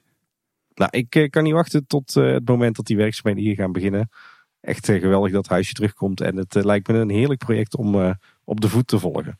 Nou, als we het dan toch hebben over projecten die we op de voet kunnen volgen, of die we vooral te voet kunnen volgen. Er zijn echt een partij werkzaamheden rondom het parkeerterrein en het entreegebied. Dat weten we, daar kun je ook echt letterlijk niet omheen. Nou, nou sterker nog, je moet er soms omheen als je naar de Efteling wil. Nou, een van de projecten die daar gaat verschijnen is natuurlijk het eh, nieuwe hotel wat al is aangekondigd. Maar waar we hopelijk binnenkort een bouwaanvraag van gaan zien. We hadden eigenlijk stiekem maar gehoopt dat die misschien deze week uitkwam. Hè? Qua, qua timing eh, die wij eh, verwachten zou daar mooi zo uitkomen. Maar misschien moeten we nog net iets langer wachten. We hadden al, al vier witte A4'tjes eh, in ons draaiboek gestopt. Ja, we weten niet wat we dan gaan zien. hè. We hopen dan een concept art. Dat kan toch bijna niet anders. Nou, maar we gaan het in ieder geval allemaal meemaken. Concept art, ik verwacht gewoon een, eh, een complete set bouwkundige tekeningen, Paul. Afgaan op de laatste paar vergunningen aanvragen zou het zomaar kunnen. Als we kijken naar de facilitair gebouw, dat was toch een vrij uitgebreide tekening. Als we die per verdieping wel in het hotel krijgen, dan gaan we de handjes wrijven, Tim. Ik zeg eh, plattegronden, gevel, aanzichten, doorsneden en details. Heel veel meer hebben we niet nodig. Nee, niet heel veel meer. De Efteling heeft in de wonder daar wel een wat ja, cryptische omschrijving nog eh, over gebracht. Er stond iets meer detail in dan we al wisten. De Efteling schrijft namelijk dat het een plek wordt waar het heden en verleden samenkomen. De rijke historie van de Efteling die gaan we straks dus terugzien in het imposante gebouw. Maar het interieur gaat eigentijds en uitnodigend aanvoelen. Hoe de laatste de lichte huiver gaat daarbij over mijn rug. Ik hoop dat het niet te modern gaat worden. Nou ja, ik vind het wel interessanter, want eh, we weten in ieder geval met eh, enige zekerheid dat het, de architectuurstijl van de buitenkant eh, wellicht Jugendstil gaat worden. Of iets wat erop lijkt, hè. dan komt het eclecticisme weer om de hoek eh, kijken. En, en met dat in het achterhoofd hadden we volgens mij allemaal ook wel gehoopt dat de binnenzijde eh, lekker rijkelijk gedecoreerd zou zijn in Jugendstil. Maar dit lijkt er toch op alsof de buitenkant dan of typisch Eftelings wordt of typisch Eftelings gemixt met Jugendstil. En dat we aan de binnenkant een vrij tijdloos, fris geheel krijgen. Weet je, eh, de Loonse Land eh, belevenis. Ja, maar dat, dat is goed dat je die aanhaalt. Want ik kan me echt niet voorstellen dat we zo'n gebouw hebben. En ik ga er niet vanuit dat het exact zo eruit ziet als op de tekeningen van Loopings. Maar het zal er al echt voor een deel op lijken. Ehm, maar dat je zo'n gebouw binnentreedt, maar dat je dan de proeftuin van het Loonse Land inloopt. Dat zou toch wel echt een dikke clash zijn. Ik kan me voorstellen dat de kamers misschien iets moderner zijn. Qua faciliteiten, badkamers en dat soort zaken. Maar dat er echt nog wel eh, iets van een sfeertje hangt wat te maken heeft met eh, de stijl aan de buitenkant. Ja, daar hoop ik inderdaad wel. Eh, ik, ik mag toch hopen dat het thema wat aan de buitenkant zit, aan de binnenkant ook eh, wordt, eh, wordt doorgevoerd. Inderdaad, de eigen tijds is goed. Maar alsjeblieft wel in thema en in sfeer. Enigszins consistent, dat kunnen we waarderen. ja. Hey, trouwens, in datzelfde artikeltje in de Wonder ook eindelijk verlossing op een punt waar we ons allemaal van afvroegen van hoe zit dat nou? Er komt namelijk toch naast een spa een zwembad in het, het hotel. Ja, zo werd het niet letterlijk gezegd, maar wel dat er een zwembad komt. En ik begin dan ook meteen toch weer te twijfelen. En dan ben ik achterdochtig, want je hebt de spa. Daar kan een zwembad in zitten. Maar ja, een bak van 5 bij 5 meter is dan misschien ook al wel een zwembad in de ogen van sommige mensen. Zeker in de kleine spaarruimte. Dus ik hoop dat het wel ambitieus wordt aangepakt. Ik ben nog licht sceptisch. Maar er stond letterlijk dat er een zwembad zou komen. Dit kan wel heel wat worden hoor. Ik ken wel een paar hele mooie zwembaden die eh, in de tijd van de Jugendstil zijn gebouwd. Dat zijn pareltjes voor het oog. Als we zoiets op een kleine schaal in dit hotel krijgen. Je denkt dan van die eh, warmwaterbronnen in Budapest en zo. Dat soort, eh, Ja, Budapest heeft er eentje. Stockholm heeft er eentje. Oh, het zal er weer eens niet in het noorden liggen. Ja, ja. Doe maar eens googelen. Ook werd er gemeld dat er twee verschillende restaurants kwamen. Dat wisten we inmiddels al natuurlijk. En een prachtig terras aan de Aquanura Vijver. Bij deze ook bevestigd. Nou, dat is een kans die moeten ze ook benutten. Ja, zeker, zeker gezien die ligging. Hey, en nog een leuk nieuwtje wat, eh, wat steeds meer aan het eh, circuleren is. Eh, het lijkt erop dat we de projectnaam te pakken hebben van het hotel en het Dwarrelplein. Want dat totaalproject zou luisteren naar de naam Eiland van de Vijf Zintuigen. Dat klinkt avontuurlijk, om een of andere reden. Ja, en een mooie link met het eh entreegebouw natuurlijk. Eiland, dat, dat is denk ik ook een mooie referentie naar hè, dat, het vele water wat we straks gaan zien op het, wat nu nog het Dwarrelplein is. Ja. Je Islands of Adventure, Koos Kaatsheuvel. Oh, daar komt misschien mijn avontuurassociatie dan ook vandaan. dat zou best kunnen zijn. Weet je, Tokyo Disney Sea meets Islands of Adventure meets Dwarrelplein. Leg ik de lat dan heel hoog. Jij legt de lat eh, precies hoog genoeg, denk ik. Daar kunt het over eens worden. Hey, de Efteling meldt ook dat de werkzaamheden in het entreegebied invloed hebben op de capaciteit van het park. Want we hebben natuurlijk die tijdelijke ingang daar en we kunnen niet gebruik maken van alle faciliteiten van het Huis van de Vijf Zintuigen. Maar we hebben ook wat wegversmallingen op plekken richting de rest van het park natuurlijk. De Efteling laat daar maar een beperkt aantal gasten per tijdslot naar binnen. Daarom werken ze dus ook nu met die tijdslotreserveringen. Eh, dat betekent wel dat er in de weekenden van maart geen tijdsloten meer beschikbaar zijn voor betalende bezoekers. Ik ben heel benieuwd hoe dat in april gaat zijn en ook hoe lang ze dat nog gaan, uh, gaan doen. Maar dan kunnen we daar eens even analyseren als we het gaan hebben over de werkzaamheden aan het Huis van de Vijf Zintuigen. Ja, want heeft dat nou te maken met inderdaad de werkzaamheden op het Dwarrelplein, de bezoekspromenade, of heeft dat juist vooral te maken met die grote onderhoudsbeurt voor het huis? Volgens mij een beetje met beide. Volgens mij heeft het en met die, uh, de doorgang die gewoon smaller worden te maken. En dat het Huis van de Vijf Zintuigen, dat je niet die volledige breedte aan uh, kaartcontrole uh, daar kunt uitvoeren. Nou, hopelijk is dat richting de zomer allemaal opgelost. Hey, alle werkzaamheden kwamen trouwens ook nog aan bod in het personeelsblad van Baas BV. En dat is een van de huisaannemers van de Efteling die zich vooral bezighoudt met de ondergrondse infrastructuur. Oftewel alle kabels en leidingen. Favoriet onderwerp in deze podcast.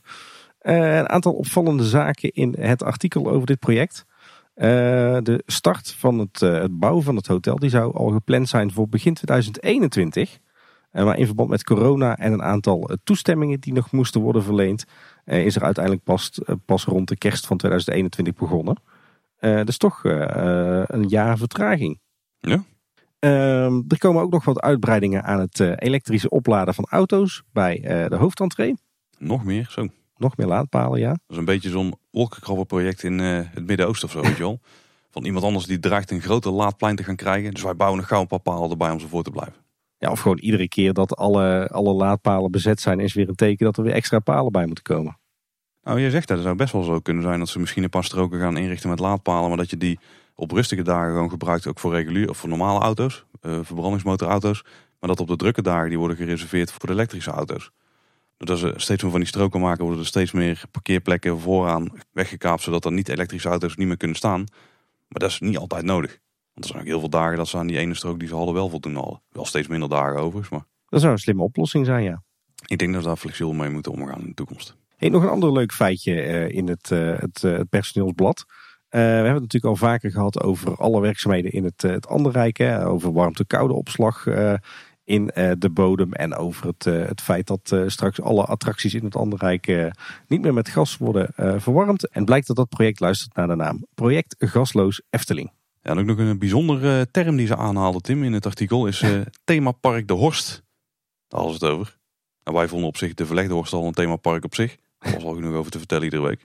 Maar die zou zijn uitgesteld naar 2025. Nou, dan matcht wel een beetje. Nou ja, terwijl 2025 misschien zelfs wel een jaar eerder dan ik zou verwachten. Ja, inderdaad. Daar hebben we natuurlijk eerder een beetje over gespeculeerd. Omdat Vonnis er een beetje cryptisch over was. Maar hier staat nu inderdaad uh, zwart op wit dat het zou zijn uitgesteld naar uh, 2025. Nou is het natuurlijk wel zo dat Baas vooral dingen doet onder de grond. Dus dat het goed kan zijn dat hun werk er op 2025 erop zit. En dat dan daarna het project nog verder gerealiseerd moet worden. Dus 2026 een beetje de beoogde openingsdatum is voor dat project daar. Klopt, ja.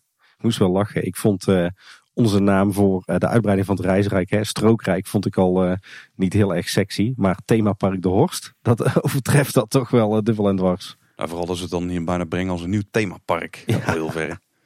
Overigens ook wel mooi dat ze in hetzelfde artikel een plaatje hadden staan van het nieuwe hotel. Dat doen ze gewoon.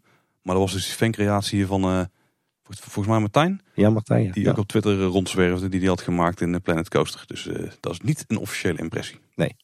Ja, dan weer het inmiddels klassieke opmaken van de stand van zaken. De parkeerterreinen kunnen we denk ik vrij kort over zijn. Hè? Want de, daar hebben we natuurlijk de, de sprinklerkelder. Daar lag al uh, op de sprinklerkelder zelf een dak op. Een vloer eigenlijk. Ja, een ondergrondse vloer. Hè? Dus wat was ook weer het plafond. Maar ook de pompkelder die heeft er inmiddels eentje. Die zijn beide ook helemaal waterdicht ingepakt. En we hadden het de vorige keer over van, zou het naar boven het maaiveld uitkomen? Want daar deden we foto's vermoeden. Maar als je er gewoon bij staat, dan is het toch wel goed te zien dat ze er net onder liggen. Ligt straks net onder het straatwerk, denk ik, ja, die kelder. Ik denk dat we gewoon uh, één of twee toegangsputten hier toe gaan krijgen en dat was het. Ja, inderdaad. En dan gaan we door naar het uh, groot onderhoud aan het Huis van de Vijf Zintuigen. Uh, deze week weer een leuk interview in het Brabants Dagblad met Beb en Janne de Gouw. vader en zoon van retakersbedrijf De Gouw. Die momenteel de klussen aan het klaren zijn. Hè. Het, een deel van het riet van de hoofdentree vervangen. Uh, in het artikel geven ze aan dat het uh, op het moment dat je deze podcast luistert, dat het nog, uh, nog drie weken duurt. En dan is het, het onderhoud aan het riet voorbij.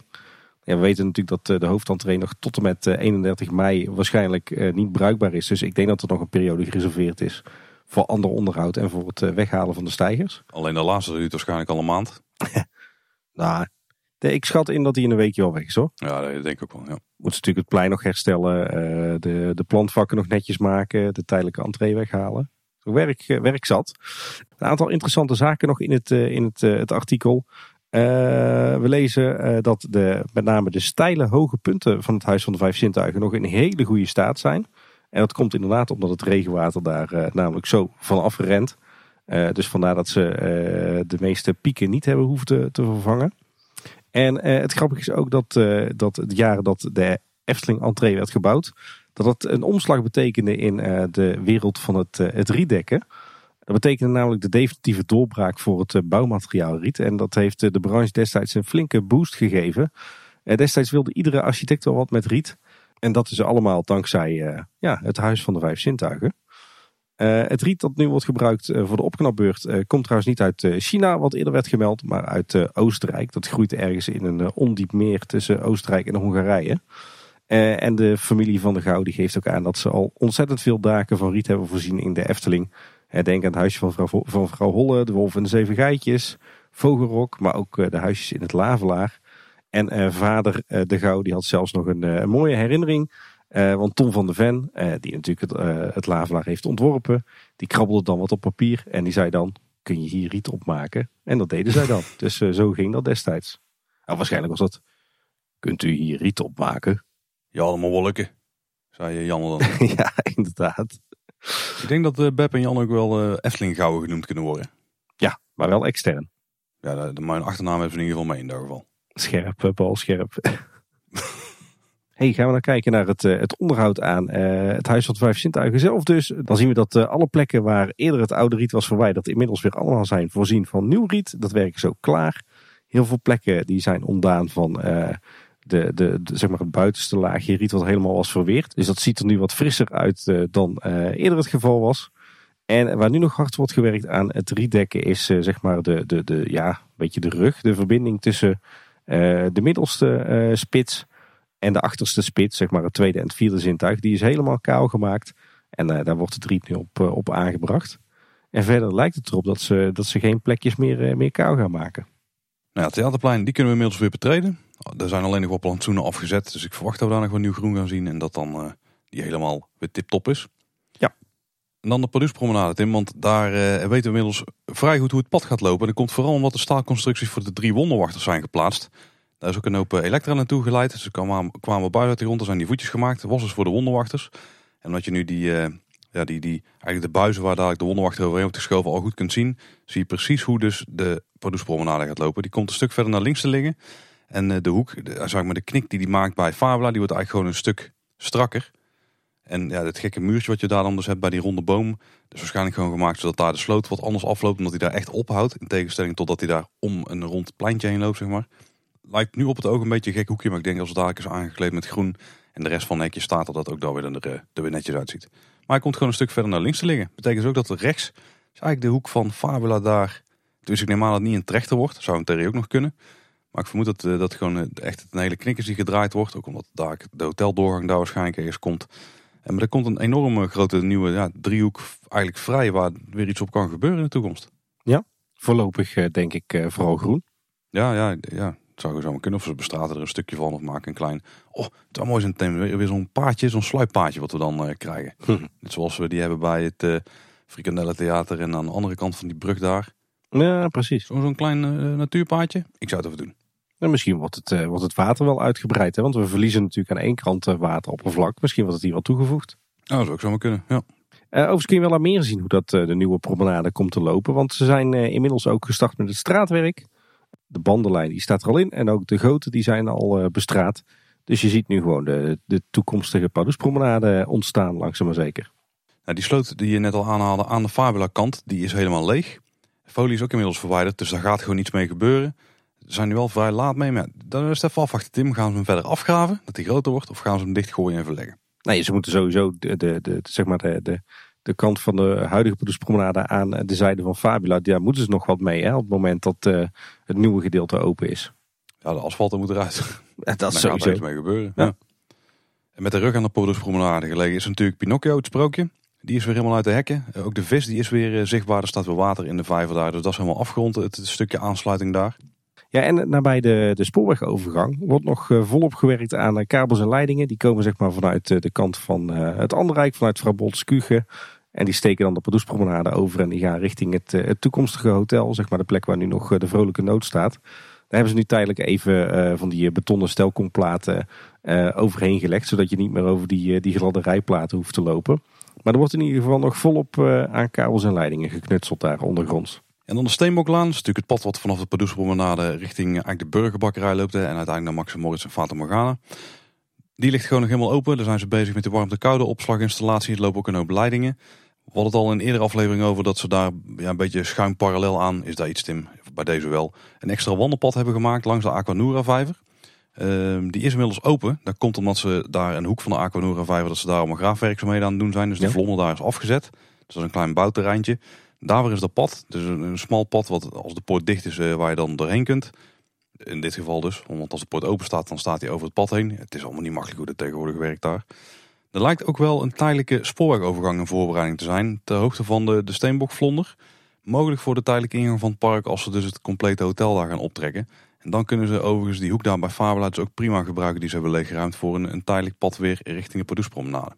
Ja, ik denk dat dat is wat, wat gaat gebeuren. Want als je even zeg maar, de, de, de uitgelekte tekeningen die op loopings hebt staan, als je die voor je ziet en je kijkt zeg maar, vanaf het Warrelplein naar het hotel, dan rechts daarvan, uh, op die plek, daar hebben ze nu waarschijnlijk zo'n tijdelijke spoorwegovergang uh, gemaakt. Of die zijn ze in ieder geval aan het voorbereiden. Dus dat betekent dat we dadelijk rechts langs het bouwterrein worden geleid, tijdelijk. Totdat natuurlijk straks die doorgang klaar is hè, uh, en we echt via de definitieve manier het park in kunnen wandelen. En ik vermoed dan dat als je daar die spoorwegovergang eh, overgaat, dat je naar rechts kunt richting Maximoort en Fata Morgana. Dat zal een vergelijkbaar pad zijn met nu, want daar ligt er gewoon nog zoals het er altijd al lag. Mm -hmm. Links is natuurlijk helemaal opengetrokken voor die warmte koude opslag. Ik vermoed dat daar een breder pad komt, wat je dan richting de Pardoespromenade leidt. Zodat ze zeg maar, de, de grote verkeersaders, dat ze daar ook gewoon de bredere paden houden. En in principe het pad wat dan richting het andere gaat, dat is dan hetzelfde als wat het altijd al was. En dat wordt natuurlijk iets interessanter om langs de Aquanura of Londen gewoon richting Fata Morgana te lopen. Dus op zich, capaciteit technisch, gaat het niet heel slecht worden, denk ik. Behalve dan hoe je bij die overgang komt. Dat is nog wel interessant. Het is een kwestie van een stukje langs de Aquanura vijver aflopen, toch? Ja, alleen is de pad daar wel breed genoeg om al die mensenmassa's te verwerken. Dus en gaan ze daar nog iets aan doen tijdelijk. Daar ben ik vooral heel benieuwd naar. Nou ja, Aquanura, Aquanura is nu uh, drie maanden buiten bedrijf, dus het zou zomaar kunnen. Ja, het zou zomaar kunnen, maar daar hadden we ook wel wat andere ideeën bij nog. Hè, wat daar gaat gebeuren met het groot onderhoud. Ja, klopt inderdaad, want... Uh, want de vorige keer uh, konden we daar eigenlijk geen slag naar slaan waarom Aquanura zo lang buiten bedrijf is. Uh, maar eigenlijk is het heel simpel. De Efteling heeft namelijk zelf al op verschillende momenten aangegeven dat uh, ook Aquanura een rol gaat spelen in dat project gasloos. oftewel het, het gasloos maken van het Anderrijk. Want ze gaan gebruik maken van aquathermie. Wat wil zeggen dat het, de temperatuur van het water van de Aquanura wordt gebruikt om in de zomer te koelen en in de winter te verwarmen. Ja, en dat hele aquathermie systeem, dat moet natuurlijk ook worden aangelegd in die vijver. Dus ik vermoed dat het feit dat Aquanura zo lang uh, buiten bedrijf is dit voorjaar, dat dat uh, te maken heeft met, uh, met die aquathermie. Dat klinkt ook enorm logisch, ja. Er zijn nog wel meer tekenen van het project Gasloos Efteling. Want ook op het Vater Morganaplein rondom de Oase er zijn op dit moment boringen. Er vinden op dit moment boringen plaats door Verhoeven uit Drunen. Dat is dus die club die heel veel van die projecten aanlegt. Dus ook daar zullen een paar putten geslagen worden. Ja, en trouwens ook helemaal uh, aan de achterzijde van het uh, theater, bij de theatervonder van Aquanura. Daar, uh, daar wordt nu ook geboord. En ik zag hier en daar rond de vijver ook al een, een gaatje ontstaan waar ze ook aan kabels en leidingen aan het knutselen zijn. Dus dit hangt allemaal samen in dat project Gasloos. Ja, het laatste stukje wat er plaatsvindt aan werkzaamheden rondom de entree is natuurlijk de nieuwe ingang van het Sprookjesbos. En ik vermoed dat het niet heel lang meer gaat duren voordat we daar naar binnen kunnen. Dit zal afgerond zijn voor de volgende nieuwsaflevering. Die pilasters die zijn daar helemaal opgebouwd helemaal in de stijl zoals ze bij de andere rijke poorten ook eh, zijn. Hè. Dus uh, net als een beetje zo'n hoek van de klokgevel hebben uitgezaagd en die daar hebben geplaatst als uh, pilaster om de, de poort aan vast te hangen. Die zijn inmiddels helemaal gestuukt, afgewerkt, zien er netjes uit. Ik denk nog wel een beetje inschaduwwerk aan gebeuren. maar vooral het straatwerk is ook al een heel eind. Eigenlijk het hele pad richting het Sprookjesbol ligt er al. De hele bocht richting het dienstpad dat er al lag, die ligt er ook al. De Diorama-laan, hè? Het, volgens mij is het enige straatwerk, en zal er inmiddels ook al in liggen trouwens, is nog aan de Produspromenade zelf. Waar die, tegen de poort aan, zeg maar. En als dat klaar is, ja, dan kan die poort er al bijna in. Moet de houten poort erin inderdaad. En dan moeten de, de twee beeldjes nog terug op de, de soldatenpoort. En dan, uh, dan kunnen we het uh, gaan gebruiken. Ja. Het lijkt, uh, lijkt geen maand meer te duren. Ik moet zeggen, het kan geen kwaad hoor. Want ik, nou, die poort, er in ieder geval geen extra ingang is, gaan we veel minder het Sprookjesbos heen. Daar hebben wij inderdaad ook, ook last van. Normaal gesproken gebruiken wij het Sprookjesbos altijd wel één of twee keer op een dag als afsnijroute. En dan pik je toch altijd uh, een aantal sprookjes mee. Liefst iedere keer weer een ander deel van de route. Maar nu, als je er nu een, een, wandeling door het Sprookjesbos maakt, dan moet je echt gewoon de volledige route doen. Nou, wij stonden dus bij volgens mij Spookslot en toen had een van de dochters bedacht, we gaan naar de Sprookjesboomshow. Ik zeg, nou, dat gaan we echt niet doen. Dan zegt de tak het lopen. We moeten daar weg, zeg maar, uit de Efteling. Daar, gaan we helemaal niet redden als we nou helemaal via de entree daar naartoe moeten lopen en dan ook weer helemaal terug. Die afsnijroute is toch wel ideaal. Dus, ik, dus we kunnen minder afsnijden dan voorheen. Maar het is nog steeds wel ontzettend praktisch dat je ook vanaf die kant daar gesproken in kan. En ik ben en blijf heel erg benieuwd of dat we straks toch nog op de, zeg maar de, de oude plek van uh, de, de soldatenpoort. Dus tussen uh, Pinocchio en de rode schoentjes. Of we daar toch nog iets van een in-uitgang gaan krijgen. Misschien vooral voor hotelgasten, maar dat uh, de normale bezoeker die ook mag gebruiken. Ja, dat zal dan over een jaar of twee pas zijn. Ja. Ik hou me in ieder geval vast, maar ik zou het niet erg vinden. Die plek is nog net iets praktischer, vooral als afsnijroute. Dan door naar het project Dans Macabre. De Efteling zelf maakt er enorm weinig over bekend. Maar als je goed oplet rondom het eh, gebouw van Spookslot, dan lijken er toch wel wat dingen te, te veranderen daar. Mogelijk een voorbereiding voor het project. Want het heksenpad is bijvoorbeeld tijdelijk afgesloten geweest. Waarom? Niet helemaal duidelijk. Is nu ook weer open. Ik heb uh, niks kunnen ontdekken wat daar, uh, wat daar is gebeurd. We zien wel her en der rond het spookslot al wat graafwerkzaamheden ontstaan. Zo is er achter Matroos Gijs, aan de Spiegelaan, is wat gegraven. Er wordt ook gegraven, zeg maar, um, vlak achter de poort, de grote spookslotpoort die aan de Paloespromenade ligt. nabij de ingang van Fabula. En er werd laatst ook een hele grote groep eh, bouwvakkers gespot. Onder meer van de firma Baas. Dus die waarschijnlijk na de zomervakantie bezig gaan met, met kabels en leidingen in die hoek. maar ook Jeroen Vrij is al diverse malen gespot in die omgeving. Dus er is overduidelijk wat gaande daar. Ja. We volgen het in ieder geval op de voet. En ja, laten we hopen dat de Efteling binnenkort eindelijk wat meer naar buiten brengt. Hè, over de vervanger van het spookslot. Ik kom in ieder geval maar door met de sfeer die ze daar willen neerzetten. Want dat is tot nu toe alleen maar bij een beetje opmerkingen in interviews gebleven. Ja. Bevestig daar maar gewoon even naar heel de wereld. Dan uh, denk ik dat iedereen een stuk geruster is. Eén uh, concept art en een paar zinnetjes uh, uitleggen is al voldoende voor ons, toch? Ja. Hey, een, een opvallend nieuwtje.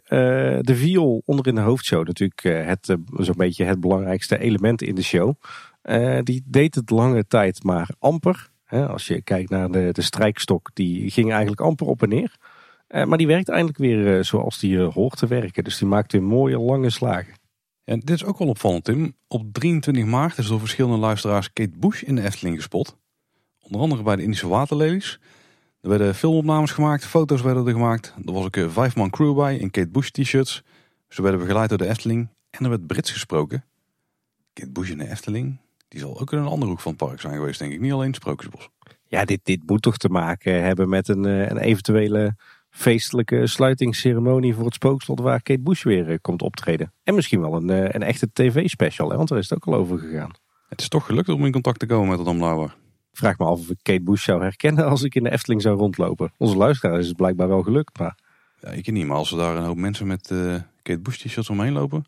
Misschien staan er wel foto's op van Kate Bush op het t-shirt. Dan is het wel makkelijker te matchen. ja, precies. Dat zou wel, dat zou wel handig zijn. Nou, dit, dit, klinkt wel heel tof, wel heel veel, veelbelovend het stof rondom het verdwijnen van het spookslot leek een beetje te gaan liggen. Maar er was voor de media weer een enorm goede reden om het op te pakken. Want de erfgoedvereniging Bond Heemschut die heeft een uh, vrij boze slash kritische brief gestuurd naar de Efteling directie en de stichting. Over hoe de Efteling omgaat met haar eigen erfgoed. Uiteraard als aanleiding van het, uh, de aankondiging dat het spookslot gesloopt moest gaan worden.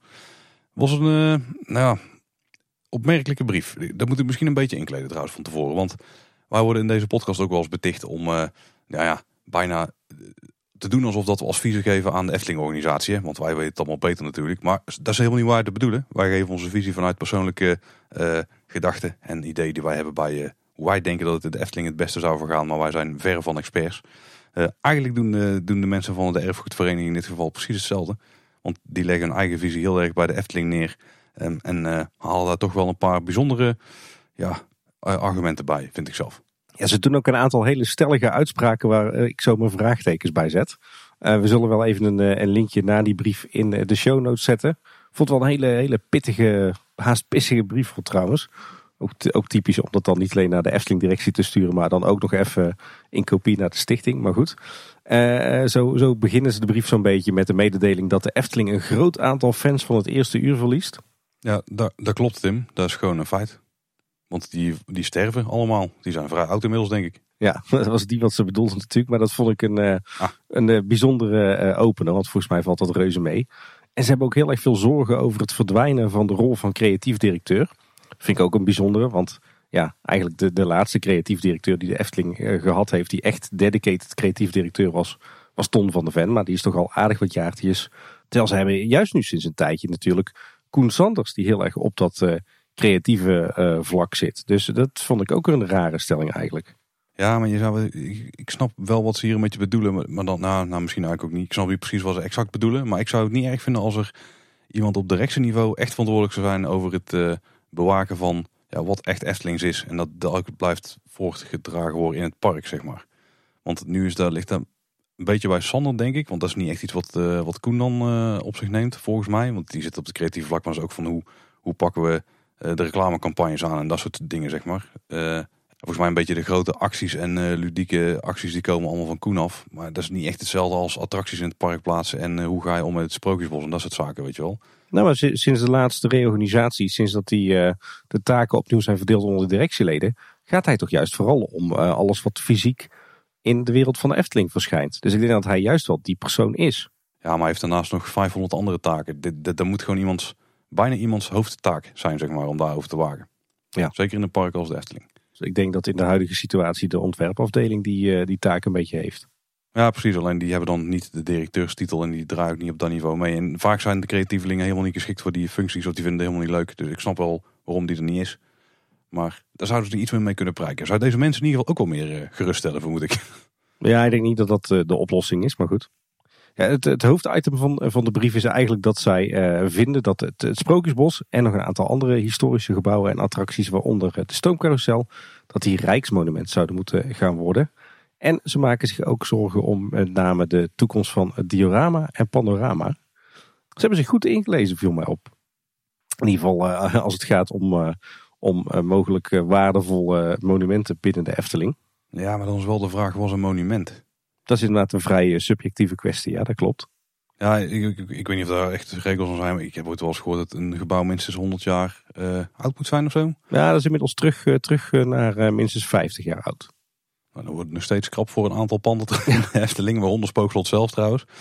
Maar het, het, is vooral dat, de, weet je wel, als je iets optrekt uit kippengaas met een beetje spuitbeton erop. Ja, dat kan ik niet iets zijn wat echt mag vallen onder zo'n zo'n noemer. Dat, dat kan ook niet, want dat is echt uh, ik, dat is gewoon niet met goed fatsoen tot het einde der tijden gewoon staande te houden, zeg maar. Daar hebben ze bij echt historische gebouwen moeite mee, die toch al een paar honderd jaar hebben overleefd. Laat staan iets wat uh, meer als decor is gemaakt dan echt als functioneel gebouw. Dat kan nog steeds een monument zijn op Paul. Ja, maar dat is toch echt een vrij oninteressant monument. Een boom kan ook een monument zijn, hè? of een grenspaal of... Uh een uh, waterpomp. Het, het, er zijn legio voorbeelden van dat soort kleine objectjes die gewoon uh, monumentale status hebben. Ja, maar die hebben allemaal functionele status ook.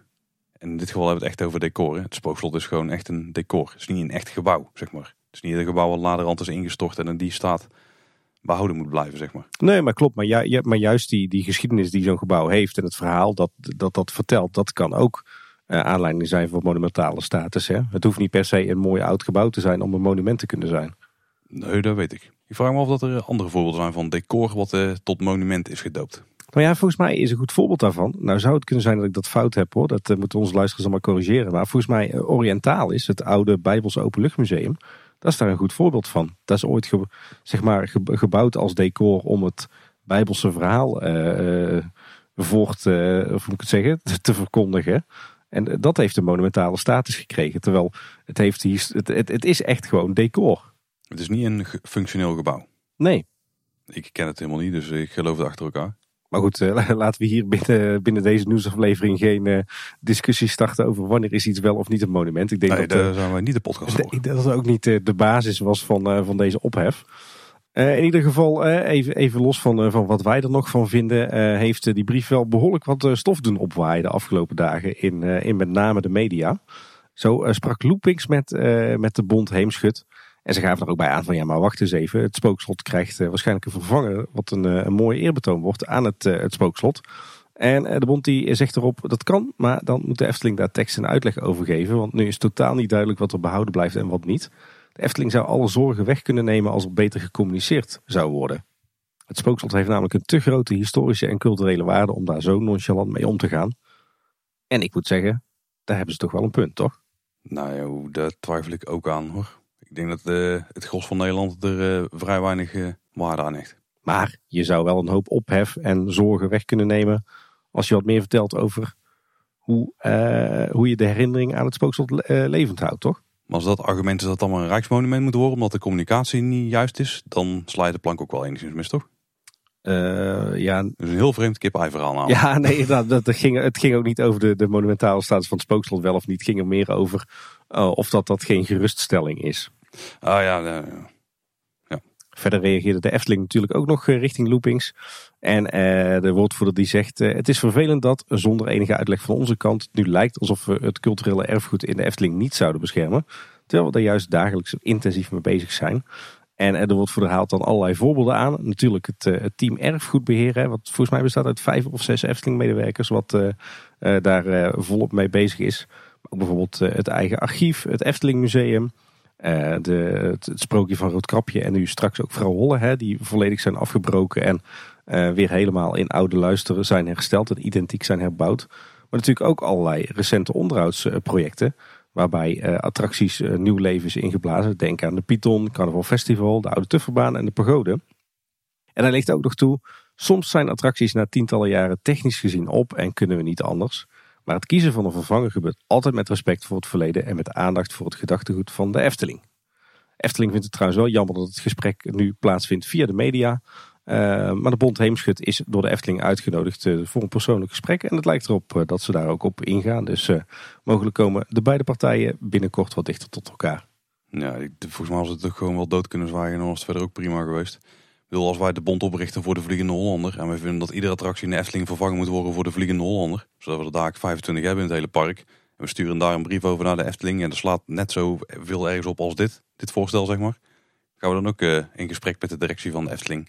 Nou ja, de Bond Heemschut is wel net even een ander verhaal. Het is natuurlijk de overkoepelende organisatie van alle heemkundekringen in Nederland. Uh, je zou kunnen zeggen, hè, zoals het, het Wereld Natuurfonds uh, zich hard maakt voor de natuur. Zo maakt de Bond Heemschut zich hard voor het behoud van cultureel erfgoed. En ze hebben notabene prinses Beatrix als beschermheilige. Dus dit is echt wel iets anders dan zomaar de een of ander uh, onbenullige vereniging die wat ophef wil veroorzaken. Dit is echt wel een ontzettend serieuze club hoor. Nou, maar wij kunnen Johan Flemings ook wel regelen. Maar ik denk dat, het, uh, dat de inhoudelijk de brief net zoveel steek zou houden als onze brief namelijk. Dan. Ik denk dat ik mezelf namelijk vrij goed kan aansluiten bij de mening die Maurice, uh, onze podcastcollega van Teambetalk natuurlijk, bij een vandaag uh, uitdraagde. Want Efteling is gewoon een bedrijf en die ga je dan allerlei, ja, aan allerlei regels opleggen die als bedrijf waar helemaal niet aan gebonden wil worden. Als je nu besluit dat een object in het park een monumentale status moet krijgen, dan ga je daar gewoon de rest van je bedrijfsvoering tot het einde der tijden last van krijgen. Om dan toch met de vliegende honden weer erbij te slepen aan de lange lokken van Willem. Want zo werkt het in de praktijk wel. Dan moet je zorg dragen voor het monument. Dan mag je er niks aan doen wat het, wat het uh, echt rigoureus beïnvloedt. Je mag het absoluut al niet weghalen. Ja, daar werkt het voor een bedrijf als de Efteling gewoon niet. En inderdaad, de communicatie had beter gekund. Maar dat is denk ik het enige probleem hier. Want verder ja, ben je een beetje dingen aan de eisen die gewoon echt niet realistisch zijn van een park als de Efteling. Nogmaals, wij kunnen ook eisen dat iedere attractie vervangen moet worden voor de Vliegende Hollander. Ja, dan kan je ook die eisen van de Efteling, want dan komt er geen hond meer. Want die hebben dan één attractie die heel het park al gezien. Ja, daar, ben ik ook wel met, eh, met jou en Maurice eens. Hè. Kijk, ik bedoel, uh, het, het, slaat nergens op om het spookslot een monumentale status uh, te geven. Ik bedoel, we kennen allemaal de, de, de, aanleiding, de reden dat het spookslot weg moet. We kennen allemaal de, de complexe afweging die daarachter zit. Dus nee, ik zou het spookslot ook geen monumentale status geven. Maar dat wil natuurlijk niet zeggen dat de hele kwestie in hoeverre zou de Efteling monumentaal moeten of kunnen zijn uh, dat die dan helemaal van tafel is. Want ik denk dat die Bond Heemschut in een brief wel een aantal interessante vragen stelt. En, en een hele interessante kwestie uh, naar, naar voren haalt. Nee. Nou ja, ik denk, weet je, je, je tuurlijk op het moment dat je, dat je attracties of gebouwen of sprookjes in je park, dat je die monument, monumentale status geeft. Ja, dat werkt verschrikkelijk beperkend. Maar het is ook een stukje bescherming Hè? Want misschien zijn er wel een enkele oude gebouwen of sprookjes in het park die inderdaad absoluut op en top beschermd wil hebben. Die de Efteling beschermd zou willen hebben. Ja, dan, dan denk ik echt aan een aantal klassiekers. Hè? Dus aan het, het carouselpaleis, met name de gevel en, en de carousel zelf. Hè? Dat is toch een stukje cultureel erfgoed van ruim 125 jaar oud. Ja, daar moet je ook nooit meer iets anders mee willen doen. Die moeten gewoon behouden blijven in deze staat. Ja, de carousel zelf is natuurlijk een verplaatsbare carousel. Uit zichzelf. Van vroeger uit. En ik denk dat als jij over uh, eh, 20 jaar en daar een veel betere invulling voor hebt. En die carousel heeft echt geen enkele alternatieve waarde meer. Hè? Dat kan ik me niet heel erg voorstellen, maar het zou zomaar kunnen. Dan moet je als bedrijf ook gewoon de mogelijkheid hebben om daar iets anders neer te kunnen zetten. En dat geldt ook voor ieder sprookje. Of verplaatsen. Nou, dat vind ik dus niet. Nee, maar vanuit de Efteling zelf is er echt geen enkele reden om ook maar van iets een monument te maken in het park. Want je, je legt jezelf alleen maar vast. Als jij het belangrijk genoeg vindt, dan onderhoud je dat ding gewoon. Het feit dat daar een monument is, daar, is, daar gaat je op een gegeven moment gewoon, daar schiet je jezelf gewoon in de voet. Nou ja, je hebt, je hebt er ook wel een belangrijk voordeel van. En dat is als je uh, monumenten in je park hebt, uh, dat je ook jaarlijks subsidie kunt krijgen voor het onderhoud ervan. je kreeg gewoon voorheen 60% eh, van de onderhoudskosten vanuit het Rijk vergoed. Het ligt nu iets lager. Maar op het moment dat iets dus een monument is en je wilt het toch al niet aanpassen, dan kan je gewoon tot in lengte van jaren je onderhoud daarvan vergoed krijgen vanuit het Rijk. Nou, dat scheelt toch een flinke slok op een borrel als je kijkt naar het, het onderhoudsbudget van de Efteling. Dus dat zou natuurlijk wel een argument kunnen zijn waarom dat je een aantal plekken in de Efteling als monument zou willen beschouwen. Ja, maar je mag het ook weer niet vervangen door moderne technieken. Worden. Jawel, jawel. Nee, je kunt, je kunt altijd, dat geldt ook voor andere monumenten. Je kunt altijd, als je een, een goed verhaal hebt, kun je altijd gewoon in overleg met de gemeente of met de, de Rijksdienst voor Cultureel Erfgoed uh, en als, je de, als de monumentale waarde niet wordt aangetast, dan zijn er echt wel aanpassingen mogelijk. Door kijk naar, uh, nou noemen ze een dwarsstraat, Paleis het Loo. Dat wordt nu voor honderden miljoenen gerenoveerd omdat alle asbest eruit moet, omdat er brandmeldsystemen in moeten, er moeten vluchtroutes in. Het moet berekend worden op grote bezoekersstromen, er komt de kelder onder. Nou, dat is ook gewoon een rijksmonument, dus dat kan allemaal. Ik denk dat de Efteling er echt geen enkel voordeel heeft. Zelfs die knaken, daar kunnen ze echt aan de reet roesten. Ik denk dat ze veel liever die flexibiliteit hebben dan dat ze aan al die regeltjes vast komen te zitten. Je bent een bedrijf, hè? Maar ik denk eerlijk gezegd dat even, even los van de vraag of je, je wel of geen monumenten zou moeten willen in de Efteling. Ik denk trouwens persoonlijk dat je het inderdaad niet zou moeten willen. Uh, maar ik denk dat je wel als Efteling eens moet uh, nadenken over uh, hoe gaan wij nu om met ons cultureel erfgoed en ons erfgoed in het park. Ik denk dat ze daar ook wel al heel erg mee bezig zijn met het team erfgoedbeheer. Maar ik denk dat het bijvoorbeeld goed zou zijn om wel een bepaalde categorisering daarin te hebben. Hè? Dus dat je zegt van nou, er is een heel groot aanbod aan gebouwen en sprookjes en attracties. Waar we eigenlijk gewoon alles mee kunnen. Hè. Uh, als op een gegeven moment uh, de attractie weg moet omdat die uh, niet meer attractief genoeg is of omdat die niet meer functioneert. Hè, daarvan kunnen we gewoon zeggen die kan weg. Maar er zal ook een categorie zijn waarvan je zegt van nou dat willen we ten alle tijde blijven behouden. Hè, omdat die zo'n hoge waarde heeft. En van een deel daarvan is het ook een optie dat je zegt we slopen het en we bouwen het volledig opnieuw op in dezelfde staat. Maar er zal misschien ook een, beperkt aantal objecten zijn waarvan je zegt van nou dat willen we daar ook niet. Uh, we, blijven dat gewoon zoveel mogelijk op de huidige manier onderhouden. Kijk naar een carouselpaleis. Je moet er toch niet aan denken dat ze daar zeggen van joh die gevel van hout is zo rot. Doe het maar weg en breng er maar een, eh, een polyester uh, replica voor in de plaats. Ja, ik denk dus dat dat er ook gewoon is binnen de Efteling. Er staat misschien niet zo hard uitgeschreven en er is niet iemand eindverantwoordelijke voor. Wat ik dus niet erg zou vinden als er wel iemands taak zou worden overigens, nogmaals. maar ik denk dat dat beseft er heel ergens juist bij het park. Ja. ja. ik denk zelfs nog veel meer dan bij andere parken. Denk het ook al, denk het ook. En, en daar hebben we ook al heel veel voorbeelden van gezien. Bijvoorbeeld het halve sprookjesbos. Want de laatste al discussie van was er nog van origineel, zeg maar. Ja, van de originele sprookjes dan. Bijna alles daar is ook al herbouwd. Of, op, of flink aangepakt op zijn minst. Nou, er zijn nog wel een aantal echt oude gebouwen en objecten in de Efteling. Die echt nog steeds in uh, enigszins originele staat zijn. Of in ieder geval nooit helemaal gesloopt zijn en weer eh, herbouwd zijn. Daar moeten we ooit maar eens een keer een aflevering over gaan maken. Uh, maar ik denk inderdaad, als je kijkt naar het feit dat de Efteling al een groot eigen team erfgoedbeheer heeft, dat ze daar al volop mee bezig zijn. Maar nogmaals, wat ik alleen maar bedoelde te zeggen is, de bond heeft beschut, heeft hier natuurlijk wel in zekere zin heeft hij natuurlijk wel een punt. Snijd eh, stelt ook een aantal legitieme vragen. Alleen denk dat de Efteling het gewoon al goed, eh, goed op orde heeft. En ik denk ook dat je er, als Efteling en als Efteling-liefhebbers ook niet te lichtzinnig mee om uh, moet gaan. Hè. Weet je, het is de Efteling. Het is geen Beekse Bergen of Walibi Holland. De Efteling bestaat inmiddels al 70 jaar. En een beetje langer. en heeft gewoon heel veel enorm waardevol erfgoed in haar park staan. Dus daar mag je ook af en toe kritisch op zijn, vind ik. Ja, nou ja, ik, ik- realistisch kritisch, dat mag zeker. Of in, in ieder geval, je moet je er heel erg bewust van zijn. Dat het wel meer is dan eh, dat het niet allemaal even inwisselbaar is. Ja, en ik denk dat dat dus echt wel prima in orde is. Want dat is hanteren dan termen als dat het klakkeloos wordt gesloopt of zo. Ja, dat, is, dat, dat kan ik me echt niet voorstellen. Dat het gewoon zo eh, ons op een gegeven moment wakker werd en zei van... Nou, spookslot, eh, dat gaat gewoon weg. Dat is echt een proces waar al meer dan twintig jaar loopt waarschijnlijk.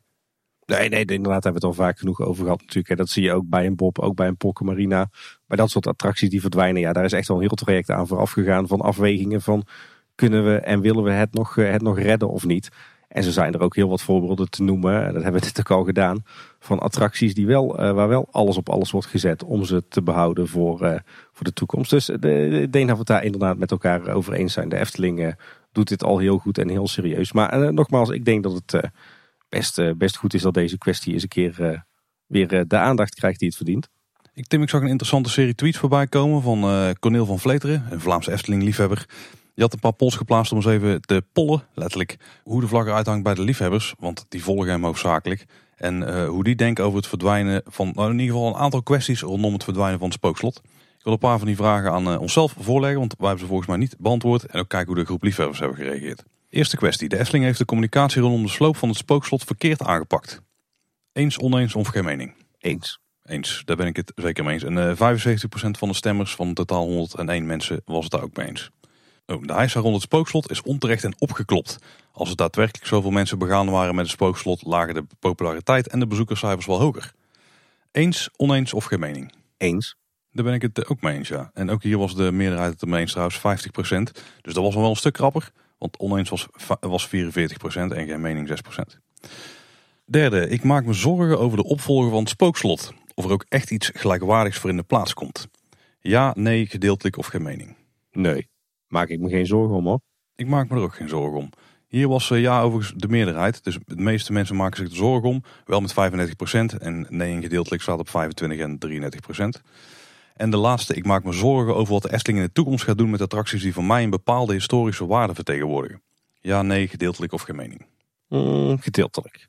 Ja, ik zou, hmm.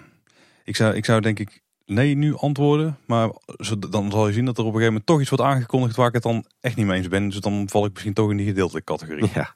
Ik weet niet. Nee, maar praktisch gedeeltelijk. Hier was de verdeling overigens eh, ja en nee zat ongeveer op eh, 38% ieder. En gedeeltelijk op 24%. Dus het is eh, ook binnen de liefhebberskringen is niet iedereen het eh, zo fel tegen het verdwijnen van het spookslot. En zien die het ook niet allemaal super dramatisch in. Maar een beetje ja, behouden is iedereen toch wel. Ja, het is, het is wel redelijk netjes verdeeld. Maar eh, Efteling liefhebbers blijken toch ook best wel genuanceerd te zijn eigenlijk. Af en toe. De, Rijksdienst voor Cultureel Erfgoed heeft trouwens ook nog eigenlijk vlak voor opname gereageerd op de hele ophef. Eh, die geven namelijk aan dat het, eh, het, het aanwijzen van het spookslot in de Efteling als Rijksmonument helemaal niet aan de orde is. Eh, sowieso wijzen ze eigenlijk vrijwel zelden of nooit meer een Rijksmonument aan. Het spookslot is eh 13 jaar te jong om überhaupt in aanmerking te komen om Rijksmonument te worden. Er is schijnbaar ooit eens aan het begin van deze eeuw nagedacht over het aanwijzen van het Sprookjesbos als Rijksmonument. Als een soort toonbeeld van de wederopbouw. Heeft op de longlist van de Rijksdienst gestaan. Maar uiteindelijk is het eh, niet gebeurd omdat ze heel scherp moesten selecteren. En wat toen eh, wellicht ook meespeelde is dat het eh, Sprookjesbos natuurlijk sinds het ontstaan in 1952 al heel vaak is aangepast en uitgebreid. Dus nou, de, de Rijksdienst was denk ik vrij duidelijk in haar reactie. Ja. Voor nu denk ik ruim voldoende over dit onderwerp. Dan gaan we naar iets wat absoluut nooit gekenmerkt gaat worden als Rijksmonument. En dat is namelijk de verharding van vak O. Want die is namelijk van tijdelijke aard. Precies. Eh, inderdaad, eh, het overloopparkeerterrein aan de Dodenauweg achter de brandweerkazerne wordt nu tijdelijk voor de duur van eh, 22 weken verhard als een soort van ja, extra parkeerterrein, omdat natuurlijk een heleboel parkeerruimte nu niet beschikbaar is. Eh, inmiddels is eh, de puinverharding aangebracht. Eh, er eh, zijn ook al een aantal tijdelijke lichtmasten geplaatst. En wat ook wel interessant is, is dat eh, ondanks dat eh, het, eh, het project nog niet helemaal klaar is, dat eh, het eh, terrein zelfs al een keer in gebruik is geweest om erop te parkeren. Ja. Eh, we kregen ook de vraag van, eh, is het de bedoeling dat je eh, voortaan gaat betalen als je parkeert op dit terrein? En dat is wel interessant, want inmiddels is de, de tijdelijke vergunning verleend voor dit, dit parkeerterrein. En daarbij is aan de tekst toegevoegd dat het ook gaat om het plaatsen van een slagboom. Dus wellicht dat er inderdaad uh, vanaf nu ook betaald moet worden voor het parkeren op uh, vak O. En dat er dus ook een slagboom komt te staan om uh, te controleren of mensen betaald hebben. Ja, misschien is het vooral om ervoor te zorgen dat mensen als het, in gebruik, of als het niet in gebruik is, niet het parkeerterrein oprijden. En daardoor de puin heen gaan scheuren of zo. Ik kan me voorstellen dat dat er niet per se heel goed voor is. Dat kan inderdaad ook nog een optie zijn, ja. Want volgens mij het verkeer dat geparkeerd staat op vak O rijdt volgens mij ook af via het gewoonde parkeerterrein, toch? Van de Efteling. Ja, volgens mij wel. Tenminste, ik heb het dus zelf nog niet meegemaakt dat het in gebruik was en dat ik er ook zelf stond. Maar het kan in ieder geval wel. Ja, ze kunnen ook via die weg weer eh, teruggevoerd worden naar de Europalaan. Ja, volgens mij moeten ze dat zelfs ook vanwege het nieuwe bestemmingsplan. Ja. ja. Oh. Overigens op uh, vak M wordt nog steeds hard uh, gewerkt aan uh, de carports waar zonnepanelen op gaan, gaan komen. En daar zien we inmiddels ook al heel veel van die carport constructie verschijnen. Hey Tim, en dan een ontzettend heugelijk feit. Mag ik het melden, want we gaan het onderhoudsblokje. Ja. En dat is op zich niet zo bijzonder, want dan weten mensen wel dat er eraan komt natuurlijk in onze nieuwsafleveringen. Maar dat betekent ook dat een van de hoofdonderwerpen niet het coronablokje was. Ja, precies. Het was gewoon niet meer de moeite om het als hoofdonderwerp op te nemen. Het, dat is eh, goed nieuws hè? Het is uh, gedegradeerd tot, uh, tot kort nieuws inderdaad. En ik denk dat hij daar binnenkort ook wel vanaf valt. Kijk, mooi, mooi, mooi. Maar het onderhoud Tim, wat is er allemaal gebeurd in en rondom de Efteling de afgelopen tijd? natuurlijk weer heel veel. Heel veel positief nieuws weer. Uh, zo komen langzaam maar zeker alle geureffecten weer terug in uh, de Efteling-attracties. Een woordvoerder die zegt daarover, daar zijn we nu druk mee bezig. We hebben inmiddels al berichten gehoord dat, dat de geureffecten weer terug zijn in Fata Morgana, Droomvlucht, Fabula en de Chinese Nachtegaal.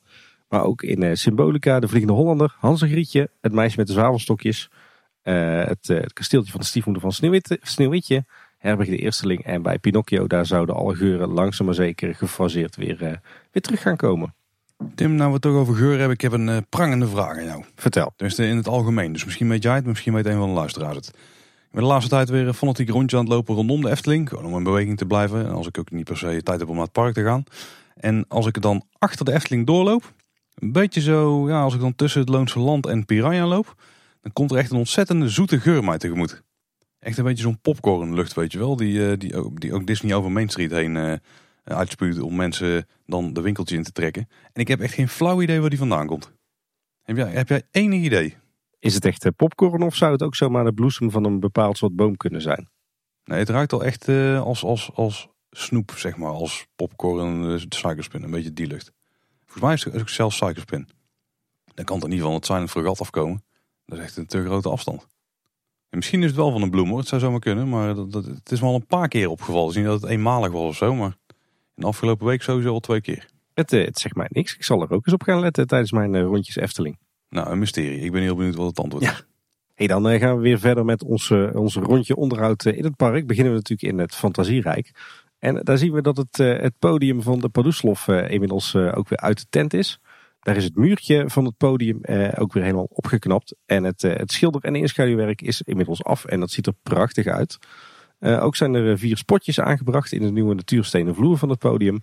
En de sloffen zijn terug en die staan weer strak in de lak. Heel netjes uh, opgeknapt. Uh, ook de sleutel van de schatkist, iets verderop op het Harthof, is teruggeplaatst. Ook weer netjes opgeschilderd. En bij de toiletten van Harthof, zeg maar aan de buitenzijde van de Polleskeuken, daar zijn mooie nieuwe bordjes aangebracht die aanduiden waar de heren, de dames, de minder valide en de babyruimte zijn. En ja, we hebben het al eerder aangehaald. Maar Aquanura is momenteel buiten bedrijf. Op 21 maart is daar het grote onderhoud gestart. En inmiddels is de vijver zo goed als leeg gepompt. En de komende weken zullen we zien wat daar allemaal aan onderhoud gaat plaatsvinden. Dan door naar het Anderrijk. de Piranha is weer open na de jaarlijkse winteronderhoudsbeurt. En ook het attractiebord wat lange tijd verdwenen was, is inmiddels weer, weer teruggeplaatst. En de attractie is zoals gepland op, op 11 maart geopend. Dan bij Max en Moritz wel een, eh, een heel lullig defect eigenlijk. Ik vond dit wel echt een puntje voor jou, eh, Paul. Ja, een animatronic waar wat, uh, wat bij aan de hand was. Ja. Meester Lempel die was, uh, hoe noem je dat, ontarmd. Ja. Dus zijn arm was van zijn lijf afgerukt door het deurtje. Het effect is dan ook vrij snel uit, uitgezet. En op zich ook wel logisch dat het zo ging. Want die, het deurtje bewoog gewoon met zijn arm, zeg maar, uh, die ging nog steeds open en dicht, want het is namelijk het deurtje wat mechanisch wordt bewogen. En de arm beweegt gewoon mee en de pop die gaat erdoor hellen. Maar als die pop loskomt, dan blijft die lekker achterover hangen door de zwaartekracht uh, in zijn, uh, zijn stellage waar hij in hangt. En die arm trekt hem dan niet mee het deurtje uit. En dat is wat die fout ging. Dat is wel een bekende techniek in de Ja, inderdaad, want, uh, als het, uh, want soms is het nu eenmaal makkelijker om zeg maar, het, het object waar de animatronic aan vast zit, om die te laten bewegen, uh, dan dat je de animatronic moet laten bewegen. Dat is eigenlijk een, een techniek die ze bijvoorbeeld ook al heel veel bij de Fata Morgana hebben gebruikt. En, en hier dus ook. En dan door naar het, het Ruigrijk. de Vliegende Hollander is ook weer open, drie dagen eerder dan gepland overigens. Op 23 maart is die attractie open gegaan. Het onderhoud is daar nog niet helemaal klaar. Uh, de buitengevel die staat er nog uh, grotendeels in de steiger. Met name de, alle havenhuisjes. Zowel de, aan het voorplein als de, de kant bij de vijver, zeg maar. En er wordt daar bouwkundig onderhoud uitgevoerd, vertelt de Efteling. Met name schilderwerk. En vanwege de weersomstandigheden kon dat, dat nu pas starten. Nou, heel tof dat er ook voor dat soort regulier schilderonderhoud weer, weer echt volop budget is. Goed om te zien dat alles zo onderhouden wordt. Ja. En ook Joris en Draken is inmiddels uh, weer gesloten. Daar vindt wat onderhoud plaats aan de baan. daar worden wat gedeeltes geretrekt. en net zoals eigenlijk tijdens eerdere onderhoudssluitingen was het ook hier het geval dat eigenlijk voor de officiële sluiting ook de attractie een aantal keer dicht ging voor noodreparaties. Dus de, de baan heeft toch veel onderhoud nodig. deze keer is het onder andere de beurt aan het stuk baan wat zeg maar het pad kruist bij Draak Etna. Dus als je zeg maar vanaf het, eh, de ingang van Joris en de Draak over die grote natuurstenen richting Draak Etna eh, loopt, dan heb je op een gegeven moment zo'n stuk baan wat boven je hoofd voorbij raast. Of daar raast de trein natuurlijk boven je hoofd voorbij. En dat stuk baan, daar is een, een tijdje aan gewerkt in ieder geval. Dan naar het Reizenrijk, daar vindt natuurlijk het, het groot onderhoud plaats aan de pagode. Uh, daar staat inmiddels ook de tempel zelf. Hè, het gedeelte wat normaal gesproken omhoog gaat, staat in de stijgers. Daar wordt uh, volop gewerkt aan het schilderwerk. Uh, bovendien is er een flinke hulpconstructie gebouwd rondom het betonnen contragewicht. Dat moet natuurlijk gelift worden om de lagers van de assen te kunnen vervangen. de hoed die op het voorplein staat, hè, het bovenste deel van de tempel, die uh, staat in een, uh, in een tent voor schilderwerk en die is inmiddels uh, uit elkaar gehaald in allerlei losse onderdelen. Die liggen deels ook buiten de tent en die krijgen daar hun schilderbeurt. En ook de meandering is helemaal gedemonteerd. Daarvan had de Efteling natuurlijk al eerder laten weten dat, dat er wat aanpassingen in de indelingen zouden gaan plaatsvinden. Dus ook daar een hoop ontwikkelingen. Dan door naar Carnaval Festival. Daar waren wat problemen met de wieken van de molen van de Moulin Rouge in het Franse gedeelte.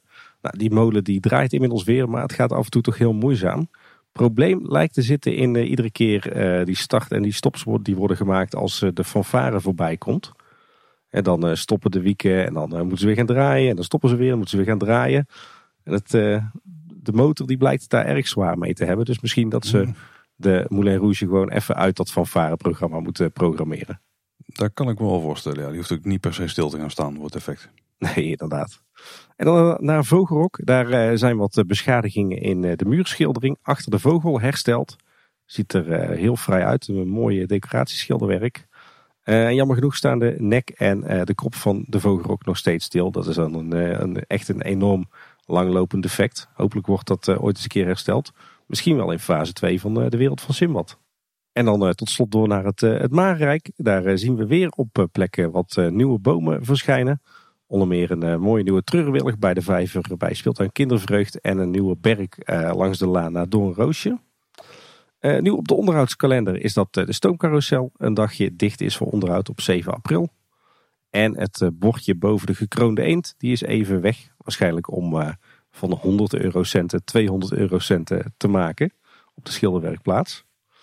Als we trouwens over schilderonderhoud hebben. De kleine zweefmolen en zeker ook de de hekjes rondom de kleine zweef die kunnen ook wel een uh, schilderbeurtje gebruiken. Heel veel uh, roest daar. Door naar het Sprookjesbos. Uh, wat tof was, de Prinsenpoort, hè, de poort aan het uiteinde van het Herautenplein voor je naar het Indische Waterlees loopt. die heeft een heel nieuw dak en dat zag er al prachtig uit. En nu hebben ze zelf laatst de specie van de nokvorsten, zeg maar de pannen boven op het dak, hebben ze nog ingeschaduwd. Nou, ook voor detail toch? Ja, netjes. Ziet er heel vrij uit. Uh, bij de Indische waterlelies is ook uh, de ontbrekende waterlelie weer teruggeplaatst. En alle, alle elfjes die draaien weer. En bij het meisje met de zwavelstokjes zijn uh, de prachtige gethematiseerde schildjes over de speakers weer teruggeplaatst. Daarbij dat dioramaatje, die waren natuurlijk een, een tijdje weg. Eh, en wat ook wel interessant is, dat lazen we trouwens in de wonder, is dat er wat verbeteringen hebben plaatsgevonden aan de babbelboom kniezoor. Ja, want we hebben geleerd dat daar uh, duizend extra namen voor zijn ingesproken. En dat er ook technische verbeteringen zijn doorgevoerd, zodat hij je veel beter zal herkennen. Volgens mij hebben ze dus aan die sensors ook lopen klussen en de manier waarop die door de app opgepikt worden. Of misschien zelfs andersom, hoe het systeem de app oppikt. En wat ook wel tof is, is dat ze in meerdere talen vertaan zin hebben ingesproken. Dus ook aan de internationale gasten zie ik gedacht. Het geldt nog wel nog steeds dat je natuurlijk die, hoe noemt het in de app, extra ervaringen of zo ja. moet activeren. Dat vinkje moet je zetten. En het helpt wel als je naam dus in de, de lijst met bekende namen staat. Maar met duizend extra namen wordt die kans steeds groter. Ja, precies. Volgens mij was het iets van persoonlijke ervaringen en belevingen. Daar is hem volgens mij. Ja, ja, Dan zie ik nog steeds nog iets heel anders voor me. Maar goed. Hey, en uh, tot slot, de Chinese nachtegaal was ook even een, een, aantal dagen in onderhoud. Ik heb nog niet gezien wat het, het resultaat daarvan is. Hopelijk hebben ze de, de vloer en de wanden een beetje gerepareerd. Uh, wel weten we dus dat uh, ook hier de geureffecten terug zijn. En dan door naar het kort nieuws met daarin het uh, beloofde stukje over de coronacrisis, Tim. Wat enorm kort is dit keer. Ja. Er zijn namelijk wel versoepelingen geweest. Waarschijnlijk een paar van de laatste die we gaan meemaken. De meet and greet met Pardoes op het Harthof, die is weer terug. En het plexiglas is verwijderd in de gondels van Droomvlucht. Nou, dat was het. Zo kort kan het zijn. Zo kort kan het zeker zijn. In het weekend van 19 en 20 maart was er een bedrijfsevenement, of meerdere zelfs. Maar de abonnementen waren gewoon geldig. Uh, er was een feestterrein opgebouwd op de Pietelweide voor het bedrijf dat daar feest vierde. Er was ook heel veel extra entertainment, dat was vrij opvallend. Uh, ook viel op dat de tweede symfonie van Aquanura weer draaide op zondag 20 maart. Meerdere mensen ons gemeld. En omdat zo druk was, was er ook extra parkeercapaciteit nodig. Daarom werd er geparkeerd op vak O, maar ook op het bussenparkeerterrein. Ja, en ik wil wel even een compliment uitdelen aan uh, de parkeerwachters. Want wat wel eens bij onze frustratie is, is dat je dan het parkeerterrein van een, eh, een, pretpark of een dierentuin oprijdt. En dat er nergens personeel te vinden is. En dat je zelf maar een beetje moet uitvogelen waar je moet gaan staan en hoe je moet parkeren. Nou, wij, uh, wij, wij reden het bussenparkeerterrein op. Ik denk dat ik wel 15 parkeer, uh, wel 15 verkeersregelaars van de Efteling gezien heb. Die allemaal heel netjes dirigeerden welke rij je in moest rijden, hoe je je auto moest zetten, tot hoe ver je door moest rijden voor je de handrem aan mocht trekken. Dus dat was echt enorm strak geregeld. Ja, dat kunnen we wel. Uh... Wachttijden waren trouwens best prima het hele weekend door. Ja, wij zijn dat weekend eh, dus ook geweest. En uh, overal eigenlijk maar gemiddeld een half uurtje wachten. En dan toch een paar grote attracties die dicht waren. Ja. En als er wachttijden stonden die langer waren dan een half uur, dan bleek ze in de praktijk ook vaak mee te vallen. Volgens mij stond er een half uurtje toen ik de wachtrij van Vogelrok inliep. En die bleek uiteindelijk maar een kwartier te zijn voordat ik in de trein stapte. Dus dat was ook goed te doen. Ook de nieuwe Wonder is uit. We hebben al een paar keer aangehaald. Staat uh, vooral een teken van 70 jaar Efteling. En ja, als je abonnementhouder bent, dan zou je hem moeten krijgen. Maar heb je er geen gehad, dan kun je hem blijkbaar ook ophalen bij de gastenservice. Daar ligt een hele stapel voor je klaar. Op de website heeft de Efteling ook een nieuw reserveringssysteem ingebouwd. In dit geval voor de restaurants. En dat systeem is van uh, als we het op zijn Frans spreken. Of Formidable, of Formidable, als we het op zijn Engels uitspreken. Wat uh, blijkbaar een vrij uh, bekend systeem is om dat soort dingen te regelen voor een, uh, een organisatie ter grootte van de Efteling. Dus een goede zaak. Missen volgens mij nog een paar restaurants, maar het grootste deel staat er al in. Hey, en dan schokkend nieuws toch wel. Want de mini Efteling gaat sluiten. Ja, weet je wat misschien nog schokkender is Tim? Nee. Ik ben na die 37 jaar dat hij er is, wat maar een jaartje minder langer dan ik op deze wereld ben, ben ik er nooit geweest. Ik eh, zal met schaamrood op de kaken bekennen dat ook ik nog nooit in de mini Efteling ben geweest. Nou, laten we daar dan bij deze afspreken dat we daar dit jaar verandering in eh, gaan brengen, Tim. Ja, we moeten daar eigenlijk nog wel een keer naartoe, toch? Voor het uh, dit park sluit. Ja. ja. Het team heeft in ieder geval aangegeven dat er geen tijd meer voor is. Er zijn ook geen opvolgers gevonden die het gaan overnemen. Het park gaat wel dit jaar gewoon open. Vanaf 16 april iedere zaterdag. Online reserveren is daarbij verplicht. En na sluiting blijven voorlopig de decors staan. Dus na sluiting van het hele park, hè, niet alleen in de avonden. Uh, maar er wordt wel gestopt met de rondleidingen. Nou, als je nou meer wil weten over uh, de mini Efteling en de historie, dan staat er een mooi interview met Erwin van Veldhoven, een van de uh, actieve mensen erachter, op het Brabants Dagblad, op de website daar. linkje staat in de show notes. Tof om dat inkijkje te krijgen. En er werd in het, in het interview ook gerefereerd aan het feit dat de mini Efteling ook diverse prominente ontwerpers heeft voortgebracht in pretparkland. Diverse? Er werden, geen namen genoemd, maar het zou om iemand gaan bij Disney en om iemand bij Toverland. Nou weten we natuurlijk dat Michel en Dulk ooit zijn carrière is gestart bij de Mini Efteling. Maar Toverland zou Peter van Holstein ook voor de Mini Efteling gewerkt hebben. Dat zou het dan wel moeten. Ja, daar duiken we even in. Komen we vanzelf vast een keer achter. Hey, de Efteling heeft kick-off eh, shows gehad voor het personeel. Waren denk ik ook een beetje verkapte feestavonden. Ja. Daar traden veel mensen op. Er was ook een quiz-element aan. Maar in ieder geval mensen die langskwamen waren dus bijvoorbeeld Leon van der Zanden, Natasja Vroger, Frans Bauer, Patrick Martens, Fleming, Treintje Oosterhuis. En die zong daar trouwens in This Together. Hey, dat was een gouden combinatie natuurlijk. Een Efteling klassieker. Ja, zeker. En Leon Alkemade. presentatie eh, was onder andere door onze Steven. Was volgens mij de sidekick van de presentator. Het spelletje dat werd gespeeld was 5 eh, tegen 5. En daarbij moet je ook heel vaak van die eh, toplijstjes raden. Dan moet jij melden wie er in het lijstje staan. Eén vraag daarbij hebben we meegekregen, want daar plaatste iemand een foto van op social media. En die was, wie is de meest prominente Efteling-medewerker? Nou weten wij de antwoorden al, maar we hadden deze vrij goed gegokt, denk ik. Hè? Ja, er zaten wel twee echt prominente Eftelingers tussen, hè? Ja, bijvoorbeeld Pardoes stond erop en uh, ons fonds natuurlijk. Dat kan niet anders. Maar dat waren niet degene waar jij op doelde. Nee, inderdaad. Uh, Luc de Portier, die stond er uh, gelukkig ook tussen in de top 5. En natuurlijk Bert. Hoe kan dat ook anders? Ja, Bert. Ja, Bert die hoort er zeker tussen. Ik denk dat de meeste luisteraars van ons die, die naam niet zullen kennen. Maar Bert is natuurlijk de receptionist vroeger op het stuurhuis en niet op kantoor Ravelijn. En als er iemand bij iemand het glas altijd vol is, dan is het wel bij Bert. Ja, die drinkt nooit van zijn glas, hè? Die blijft maar vol. Bedoelt hem spreekwoordelijk voordat mensen verkeerde ideeën krijgen, maar goed. Ik, moet trouwens wel, ik moet trouwens wel lachen. In mijn tijd dat ik bij de Efteling eh, werkte, eh, had je ook een kick-off. Maar dat was nooit echt een feestje. Dat was gewoon een, een dag met je team eh, de, de nieuwe ontwikkelingen doornemen en wat teambuilding doen. En je had toen wel het, het, het, grote feest aan de vooravond van het hoogseizoen en natuurlijk carnaval.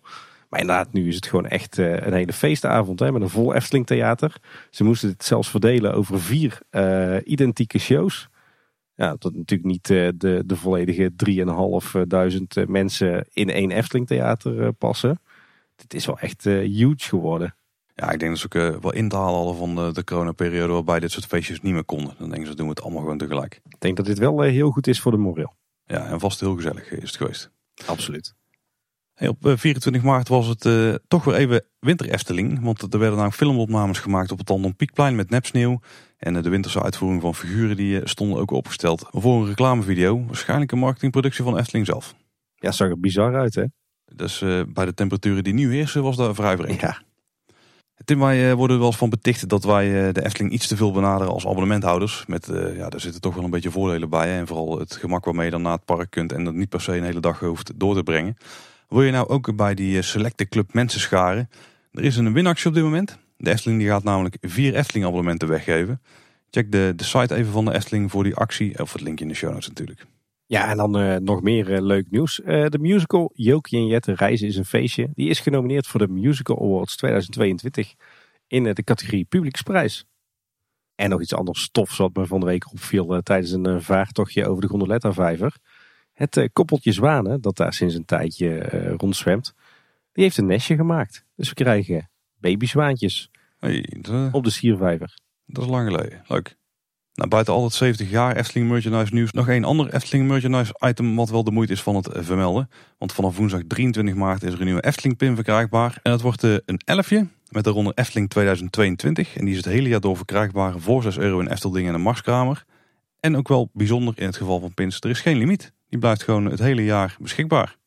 Ja, en dat is niet zonder reden, want uh, deze pin uh, gaat, uh, maakt onderdeel uit van ja, eigenlijk de, de basisserie waar in 2021 ook al een, een pin voor is gedrukt. Toen met de afbeelding van, van een van de kabouters uit het kabouterdorp. Het is eigenlijk een hele ja, simpele pin, hè? gewoon van metaal met daarin een figuurtje gestanst. Blijkt overigens dat de beide af, afbeeldingen, hè, dus de kabouter en uh, dit elfje, in de jaren 70 ook op de gelukzakjes uh, gedrukt waren die je toen in de, in de Efteling kon, die je toen in de Efteling kon kopen. En daar zijn deze pins een soort eerbetoon aan. En dan wat vacature nieuws. En dan niet per se dat er nieuwe vacatures zijn, buiten dan een enorme berg horeca vacatures. want er zijn vooral wat vacatures die voor de zoveelste keer weer langskomen. Ook dus hier een kleine boodschap. De teamlead Megatronica voor de werktuigbouw die staat er namelijk wederom op. Uh, maar dat is voor de tweede keer, dus dat is nog niet zo bijzonder. Maar ook een vacature die voor de vijfde keer langskomt. En nu zelfs extra aangekleed met een uh, hele YouTube-video. Ja. Ze zoeken nog steeds een nieuwe Henk. Ja, een nieuwe Henk of een nieuwe Frank. Hè? Want de Efteling heeft twee uitvoerders. Hè? Henk Schellekes ja, en uh, Frank Poels natuurlijk. Maar ze zoeken inderdaad een, een, derde uitvoerder. Omdat Henk en Frank het veel te druk hebben met, met alle bouw- en onderhoudsprojecten. nou, die functie die is blijkbaar echt onmogelijk in te vullen. Hoe, hoe, vaak zie je dat voorbij komen dat een functie tot vijf keer toe opnieuw in de vacatures wordt, wordt gezet. Maar daarom hebben ze nu inderdaad een hele toffe YouTube video gemaakt. als soort reclamecampagne voor deze functie. met een heleboel mooie beelden en wijze woorden van nou, natuurlijk van Henk en Frank zelf. Die kennen we uit allerlei eerdere making-ofs. Die hebben ze heel handig geknipt en geplakt. Maar ook hele mooie beelden en wijze woorden van Anton Pieck en Tom van der Ven. Heel bijzonder uh, om zo'n campagnefilmpje te maken om ja, een vacature ingevuld te krijgen. Hopelijk helpt het, want ze zitten om te springen blijkbaar. Ja, ja, kan ik me wel voorstellen met alles wat nu in het park gebeurt. Hey, nou we het trouwens toch over Henk hebben. Weet je dat Henk tegenwoordig ook een lemma heeft op FTpedia? Kijk, dan tel je pas echt mee hè. Dat verdient hij wel. Goed bezig Henk. Ik zei net al, er staat een enorme berg horecavacatures open. Uh, daar viel extra op, omdat namelijk op dinsdagavond 29 maart een open avond voor werken bij de horeca van de Efteling wordt georganiseerd. Dus heb je daar enig interesse in? Open avond, kun je een rondje lopen daar. Ja, denk ook een, uh, een ideale gelegenheid om een mooi kijkje achter de schermen te krijgen. Oh, vast wel ja. Willen wij niet stiekem in de horeca gaan werken? Gewoon op de Bonnefoy even kijken. Ik ben bang dat we dan toch wel een klein beetje herkend gaan worden, Paul. Ik ben bang dat ze daar niet in trappen. En misschien ook omdat we te veel afnemen bij de horeca daar. Ja. Ik zou het overigens helemaal niet erg vinden om, uh, om ieder jaar in de zomer even een weekje gewoon vrijwillig uh, even bij de Efteling weer lekker uh, terug in de exploitatie te gaan hoor. Even een weekje, een weekje smulpaap, carousel, uh, Horendes Overvloeds, Sprookjesbos, Diorama, Zoete ja, Ik hou je niet tegen, maar... Dat is ook altijd nog een optie hè, om het personeelstekort in te vullen. En nog iets eh, tofs wat ik voorbij zag komen op LinkedIn. En er is iemand begonnen aan een afstudeeronderzoek naar de mogelijkheden van een klimaatadaptieve openbare ruimte in de Efteling. Een hele mond vol, maar uh, ik vind het super boeiend, want dat is ongeveer ook zo'n beetje alles waar ik momenteel in mijn werk bij een gemeente in de openbare ruimte mee bezig ben. Dus tof om te zien dat de Efteling toch ook de buitenruimte beter wil gaan inrichten op klimaatveranderingen, zoals steeds meer hevige regenval, droogte en hittestress. Een heel boeiend onderwerp. Als het moet kan ik er uren over, uh, over ouwe hoeren. Maar dat, uh, daar val ik wel anderen mee lastig, uh, Paul. En ook nog iets interessants. Ik zag ook nog een LinkedIn post voorbij komen. waarin iemand het, het erover had dat, dat hij of zij ook nog bezig was met wat nieuwe dingen voor de Efteling. Zoals een nieuw concept voor de winter Efteling. Nieuwe thema suites in het Efteling Hotel. En een nieuw concept voor immersive experience. Hmm. Volgens mij stuk voor stuk nieuwe dingen die we nog niet eerder hebben gehoord. Nee, maar verder weten we ook helemaal niks natuurlijk. En dit kunnen allemaal projecten zijn die op niks uitlopen. Hoewel een nieuw concept voor de Winter Efteling, daar kan ik wel geloven, ja. Klinkt uh, veelbelovend. Sowieso. En dan in ons uh, plaatselijke krantje, de Duinkoerier. Daar uh, hebben we wekelijks een rubriek waarin ja, het cultureel erfgoed van Kaatsheuvel en omstreken wordt, wordt bejubeld. En deze keer was er een artikel over het zomerhuis Peterhof van de familie Mombers. In het Mombersbosje in het uh, natuurgebied het Loonse Land. Daar heeft in het verleden een, uh, een mooi zomerhuisje aan een grote vijver gestaan in dat bos. Uh, dat was het vakantiehuisje van destijds de eigenaren, de familie Mombers. En je kan dat, die vijver nog steeds zien. Als je namelijk tegenover Café de Efteling het bospad inloopt, dan zie je na 50 meter aan je linkerhand een flinke kuil. En je denkt misschien dat het een bomkrater is, hè? gezien de, de munitieopslagplaats die in de Tweede Wereldoorlog in dit gebied gelegen was. Maar dat uh, zijn dus de restanten van de vijver bij dat uh, zomerhuis. Ik ga er toch binnenkort weer eens een keer uh, kijken, Paul. En, en, wat leuk is, is dat we hebben natuurlijk een keer een rondwandeling gemaakt over het Keienspoor. Samen met Ivo Suutmeijer, de landschapsarchitect van de Efteling. En toen kwam dat zomerhuis ook aan bod. En we zullen nog even naar die aflevering linken in de show notes. Hey, en als laatste kort nieuws feitje. Er staan enorm toffe droomfoto's online bij een ondergaande zon van luisteraar Nick Ringelberg. En uh, check die even via het linkje in de show notes. Hele toffe foto's. Ja, Nick heeft sowieso uh, de laatste tijd heel veel mooie foto's van de Efteling geplaatst op zijn Twitter-account. Ja, dat ken je wel. Ja, en dan door naar uit de periferie. Uiteraard zijn uh, de gemeenteraadverkiezingen geweest. En de verkiezingsuitslag van Loon op Zand die is vrij duidelijk. Gemeentebelangen is zoals altijd veruit de grootste. En dat is gunstig voor de Efteling, want zij zijn denk ik van alle partijen ook de meest pro-Efteling partij die in onze gemeenteraad kan zitten. En het Pleinfestival gaat in 2020 ook eindelijk weer eens een keer door in Kaatsheuvel. Die gaat plaatsvinden van 19 tot en met 22 mei. En Efteling die sponsort daarbij de familiemiddag. Dus er wordt geknutseld en er is een springkussen. En de seniorenmiddag met onder andere de bingo. En meer informatie kun je vinden op pleinfestivalkaatsheuvel.nl of via het linkje in de show notes uiteraard. En iets interessants wat nog wel voorbij kwam op de website van uh, onze gemeente. Er is een nieuwe verkeersvisie opgesteld voor de gemeente. Die uh, geldt voor de periode tot 2025, waarin ze vastleggen wat ze allemaal willen gaan doen met verkeer en vervoer in onze gemeente. En er stond een opmerkelijke zin in. daar staat namelijk, de gemeente wil het verkeer naar de Efteling in goede banen leiden. Dat betekent de juiste aanrijroute handhaven, parkeren op afstand mogelijk maken en in nauw overleg met de provincie en de Efteling nadenken over een tweede aansluiting op de N261. Ja, dat is weer. Vond ik opvallend, want volgens mij zijn zowel het parkeren op afstand als die tweede aansluiting op de N261 keihard afgeschoten in uh, de, het, het, hele bestemmingsplanverhaal. Althans, die zijn ooit allebei wel aan bod gekomen in eerdere versies. Waarbij in het uiteindelijke uh, bestemmingsplan zijn die geschrapt om allerhande redenen. Toch bijzonder om die dan nou weer terug te vinden in dit verkeersplan. Ja, misschien wat verouderde info daar. Maar het kan natuurlijk ook zo zijn dat ze daar een nieuwe poging voor gaan maken. Want je kunt het gewoon weer als een nieuw bestemmingsplan wijziging aanvragen. Je hebt net tien jaar gewerkt aan een nieuw bestemmingsplan waarmee je jaren vooruit kan. En dan ga je in een verkeersvisie ga je weer beginnen aan iets anders, iets nieuws. Vreemd toch? Ja, met het huidige bestemmingsplan kunnen ze in ieder geval gewoon die 7 miljoen bezoekers aan. Als alles uh, daarin klopt. En kunnen ze het, park uitbreiden, dus dat is prima. Misschien gaan ze hiermee verder vooruit kijken. Het lijkt me vreemd hoor. Dit, dit lijkt gewoon een beetje een plan wat al jaren op de plank ligt en uh, waar nu de laatste punten eigenlijk in zijn gezet en daardoor uit is gebracht. Maar 2025 is ook uh, redelijk dichtbij al. Ja, of ze hebben een hele oude versie van het bestemmingsplan als bronbestand gebruikt. Ja, dat zou zomaar kunnen. Ja, en dan door en dan nog dit, Tim. Ja, volgens mij is jouw leven weer helemaal tot bloei gekomen deze week, hè? Ja, het heeft, het heeft een tijdje gestagneerd, hè. Want ja, ik kijk af en toe tv in Nederland dan bijvoorbeeld op zaterdagavond. En dan komt daar wel zo'n programma op met een eh, bedrieger die ontmaskerd moet worden of zo. Dat noemen ze Wie is de Mol. Maar dat is natuurlijk een beetje een afgeleide van een Belgische tv-show. De Mol. Die heeft uh, jaren stilgelegen, maar sinds een jaar of uh, zeven weer terug op de buis. Als, als misschien wel de, de moderne reïncarnatie van ook Wie is de Mol. Ik weet niet of ik dat al zo mag zeggen. Maar in ieder geval, ik vind De Mol een veel interessanter tv-programma dan Wie is de Mol. En dit is eigenlijk je jaarlijkse reminder dat je die serie gewoon moet gaan kijken. Dat geldt voor jou, maar dat geldt ook voor alle luisteraars die dat niet hebben gedaan. Ik voelde hem al aankomen, Paul. Ja, ja, maar ze hebben het dit jaar ook makkelijker gemaakt. Want je kunt volgens mij online via NPO kun je ook gewoon het programma kijken. Daar heet het De Mol België. Dus check het daar dan zeker. Heb je ook meteen over zijn reden om uh, Trust Nobody weer te gaan luisteren. Want ook daar is weer begonnen over uh, De Mol. En die eerste aflevering, die zat weer zo goed in elkaar. Ik denk als je een random stukje van, nou, vijf minuten, zeker tien minuten daarvan pakt, dat al interessanter is dan het complete seizoen Wie is de Mol van afgelopen jaar. Nou, pak maar een random seizoen van de afgelopen vijf jaar.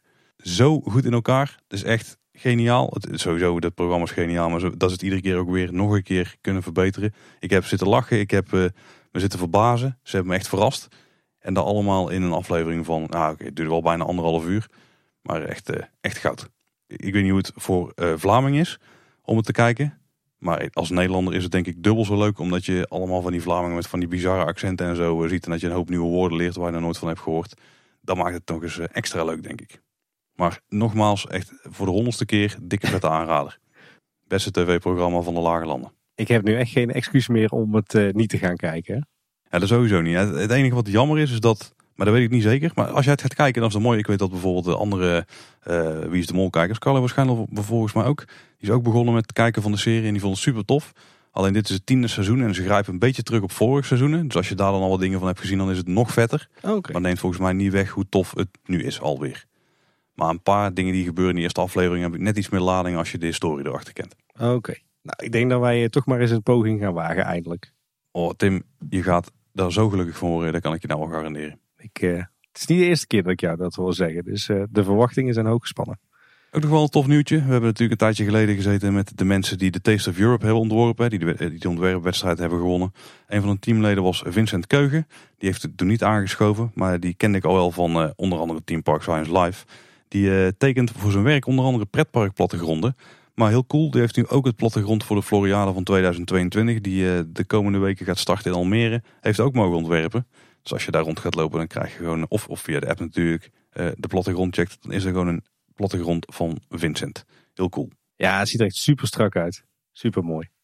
Tim, jullie nog uh, toffe dingen uitgevreten de afgelopen tijd? Ja, eigenlijk wel. wij zijn lekker een weekendje met z'n tweeën, dus zonder kinderen naar zee geweest. Uh, ook wel eens lekker moet ik zeggen. Nou ja, de strand met uh, de kids is ook superleuk. Maar een keer een weekendje met z'n tweetjes is ook, uh, is ook wel eens lekker. wij zaten in Noordwijk aan zee. Heerlijk gewandeld over het strand. Heerlijk gefietst. geboekt in een veel te duur hotel, Huis ter Duin. Ik, dat zijn mij niks, maar schijnbaar is dat heel erg bekend onder voetballers of zo. Maar het was echt, echt gigantisch, echt rete chic. Veel te chic voor ons, maar ook wel een keer, een keer lekker om in al die luxe en wilde rond te lopen. Alhoewel, alhoewel wij er niet echt tussen pasten, moet ik zeggen. Maar toch een bijzondere ervaring. En gewoon lekker uitgewaaid aan zee. En eh, wat ik ook heel tof vond, is dat we van de week eh, voor het eerst in, eh, nou wat zal het zijn, misschien wel drie jaar tijd, weer echt naar een concert zijn geweest in 013. Natuurlijk de grote concertzaal hier in Tilburg. Concert van Chef Special. We hebben daar echt drie jaar geleden al tickets voor gekocht. Die show is denk ik vier keer verzet door corona. En het was zo tof om eindelijk in een goed gevuld 013 weer een concert bij, bij te wonen. Dat was echt een, een hele bijzondere ervaring. Wij hebben daar echt allebei ontzettend van genoten. Ja, cool. Ja, en verder natuurlijk nog veel in de Efteling geweest. Veel in de bossen, maar daar zal ik je niet meer lastig vallen. Hey, nog wel even een leuke luistertip en een leuke kijktip. Waar ik ontzettend van genoten heb is van aflevering 272 van de collega's van Details. Natuurlijk de Nederlandse podcast over, over Disney. En ja, zij, zij maken daarbij allemaal een top 5 van hun favoriete Disney muziek. zowel in de parken als van de films. En ik moet zeggen, dat is zo'n heerlijke positieve muzikale aflevering. Ik heb daar echt van genoten. Zeker aangezien ik stiekem toch ergens wel een eh, klein beetje veel Disney-liefhebber blijkt te zijn. Daar kom ik steeds meer achter. Was dat heel tof om daar, om al die, die klassiekers voorbij te horen komen. Absoluut een, een aanrader en een heel toegankelijke en vrolijke aflevering. En nog een toffe nieuwe serie op Netflix van Vlaams-Marokkaanse achtergrond. Grond. Dat klinkt als iets uh, voor jou, maar gaat ja, niet over ik denk dat het over gaat. Heeft het weinig mee te maken. Nee, echt een, uh, ja, een hilarische tragicomedy. Echt, uh, ja. Oké. Okay. Het gaat niet over grond, grondwerken. Ja, toch wel. Ja, een beetje grondverzet zit er wel in. Ja, leuke, leuke, leuke, leuke kijktip. Oké, oké, oké. Ja, dat ik door naar de reacties van luisteraars. Er is één vraag, die krijgen wij best wel vaak. En dat is denk ik omdat we het stiekem ook vrij vaak aanhalen, maar er nooit echt heel veel achtergrond over vertellen. Maar we hebben het wel eens over onze redactie. En uh, Danny de Recht die vroeg zich af uit hoeveel mensen bestaat de redactie eigenlijk en wat zijn hun functies? En misschien een beetje in het verlengen, want die vraag krijgen we ook wel eens van andere mensen. Kan ik ook lid worden van een redactie? Ja, en ik krijg ook wel eens mee dat mensen denken dat het eigenlijk maar een verzinseltje is en dat we zelf gewoon de redactie zijn. Maar uh, dat is verre van waar. Nou, dat is verre van waar, maar het gewicht zit nog steeds wel ver uit het meeste bij ons. Uh, de redactie die bestaat uit een groepje mensen die wij vrij goed kennen. Die we ook allemaal heel erg veel vertrouwen en uh, waar wij vooral heel veel ideeën tegenaan kunnen gooien. Dus als wij ideeën hebben of we hebben discussies en we komen er zelfs niet helemaal uit, dan is dat een plek om het niet publiek te kunnen polsen, zeg maar. Om te kijken hoe, ja, hoe net medeliefhebbers erover denken, zeg maar. Hoe we bepaalde dingen kunnen aanpakken. Maar ook als er bijvoorbeeld nieuws uitkomt, dan is dat een hele fijne plek om alvast tot voor discussie te houden voor de aflevering. Om alvast een beetje de thermometer in de Efteling liefhebbers zien te, stoppen. Zonder dat we dus allerlei dingen al gaan verklappen op social media van hier gaan we het over hebben. En hebben jullie nog input daarvoor? Dat kunnen we mooi allemaal binnen die redactiegroep houden. En soms dan, uh, dan leggen ze ook wel eens voor van, nou, we gaan mensen interviewen. Hebben jullie daar bepaalde vragen voor? Sommige uitzonderlijke gevallen wordt er ook nog wel eens eh, mee voorbereid aan een aflevering. Maar dat gebeurt eigenlijk niet zo heel vaak. Misschien maar een paar keer per jaar. Dat is een beetje de functie die de redactie heeft. Ja, en het zijn, uh, het zijn acht, acht mensen. Uh, dus toch best wel een, een, grote club. Maar inderdaad, ik denk dat het, het zwaartepunt van de tijdsbesteding en de voorbereiding in Kleine Boodschap, dat die nog steeds vooral heel erg bij, bij ons tweeën ligt.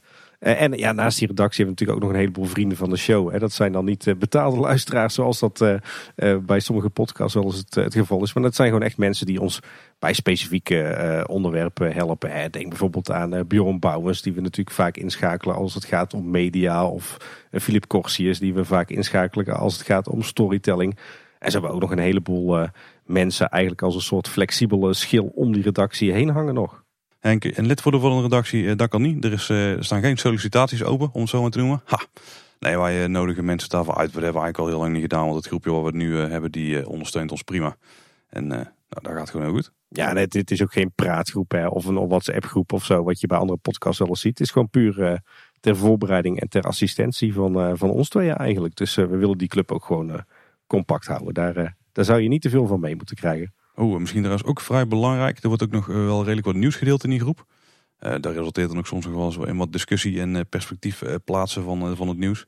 En er wordt uiteraard voorbeluisterd, ook door mensen in die groep. Ook niet onbelangrijk. Een heel belangrijke functie inderdaad van de redactie. En bovendien is het gewoon een gezellige club mensen. Dat ook sowieso. En in de volgende nieuwsaflevering weer meer reacties van luisteraars. Zeker. Ja, dat was hij dan weer voor deze week. Wil je nou in contact komen met ons? Dan kan dat op veel verschillende manieren. Wil je ons volgen op social media? Ga dan naar kleineboodschap.com slash volgen. Alle kanalen waar wij te vinden zijn, staan er netjes op een rijtje. Verder kun je natuurlijk ook eh, reageren door een beeldje te sturen. Dat kan naar eh, info.kleineboodschap.com of je gaat naar onze website kleineboodschap.com en daar vind je ons contactformulier. En daarnaast vind je op de website natuurlijk ook alle afleveringen met de relevante linkjes, de show notes. En als je nou uh, bijvoorbeeld een favoriete soort aflevering hebt van Kleine Boodschap, bijvoorbeeld je wilt graag alle nieuwsafleveringen vinden, of juist alle tijdloze onderwerpafleveringen, of misschien wil je juist wel al onze interviews horen, dan hebben we ook een heel makkelijk knopje categorieën. En dan vind je onze uh, inmiddels bijna 270 afleveringen mooi uitgesplitst per categorie. Ja, waarschijnlijk doe je het al, maar je kunt ons in iedere podcast app vinden. Ook op Spotify, daar kun je abonneren en je kunt er ook ratings achterlaten in enkele gevallen. Doe dat zeker, kunnen we altijd heel erg waarderen en helpt andere mensen om de podcast sneller te vinden. Ja, luister je ons in een podcast app, zorg dan ook dat je je abonneert. Dan mis je geen enkele aflevering van Kleine Boodschap.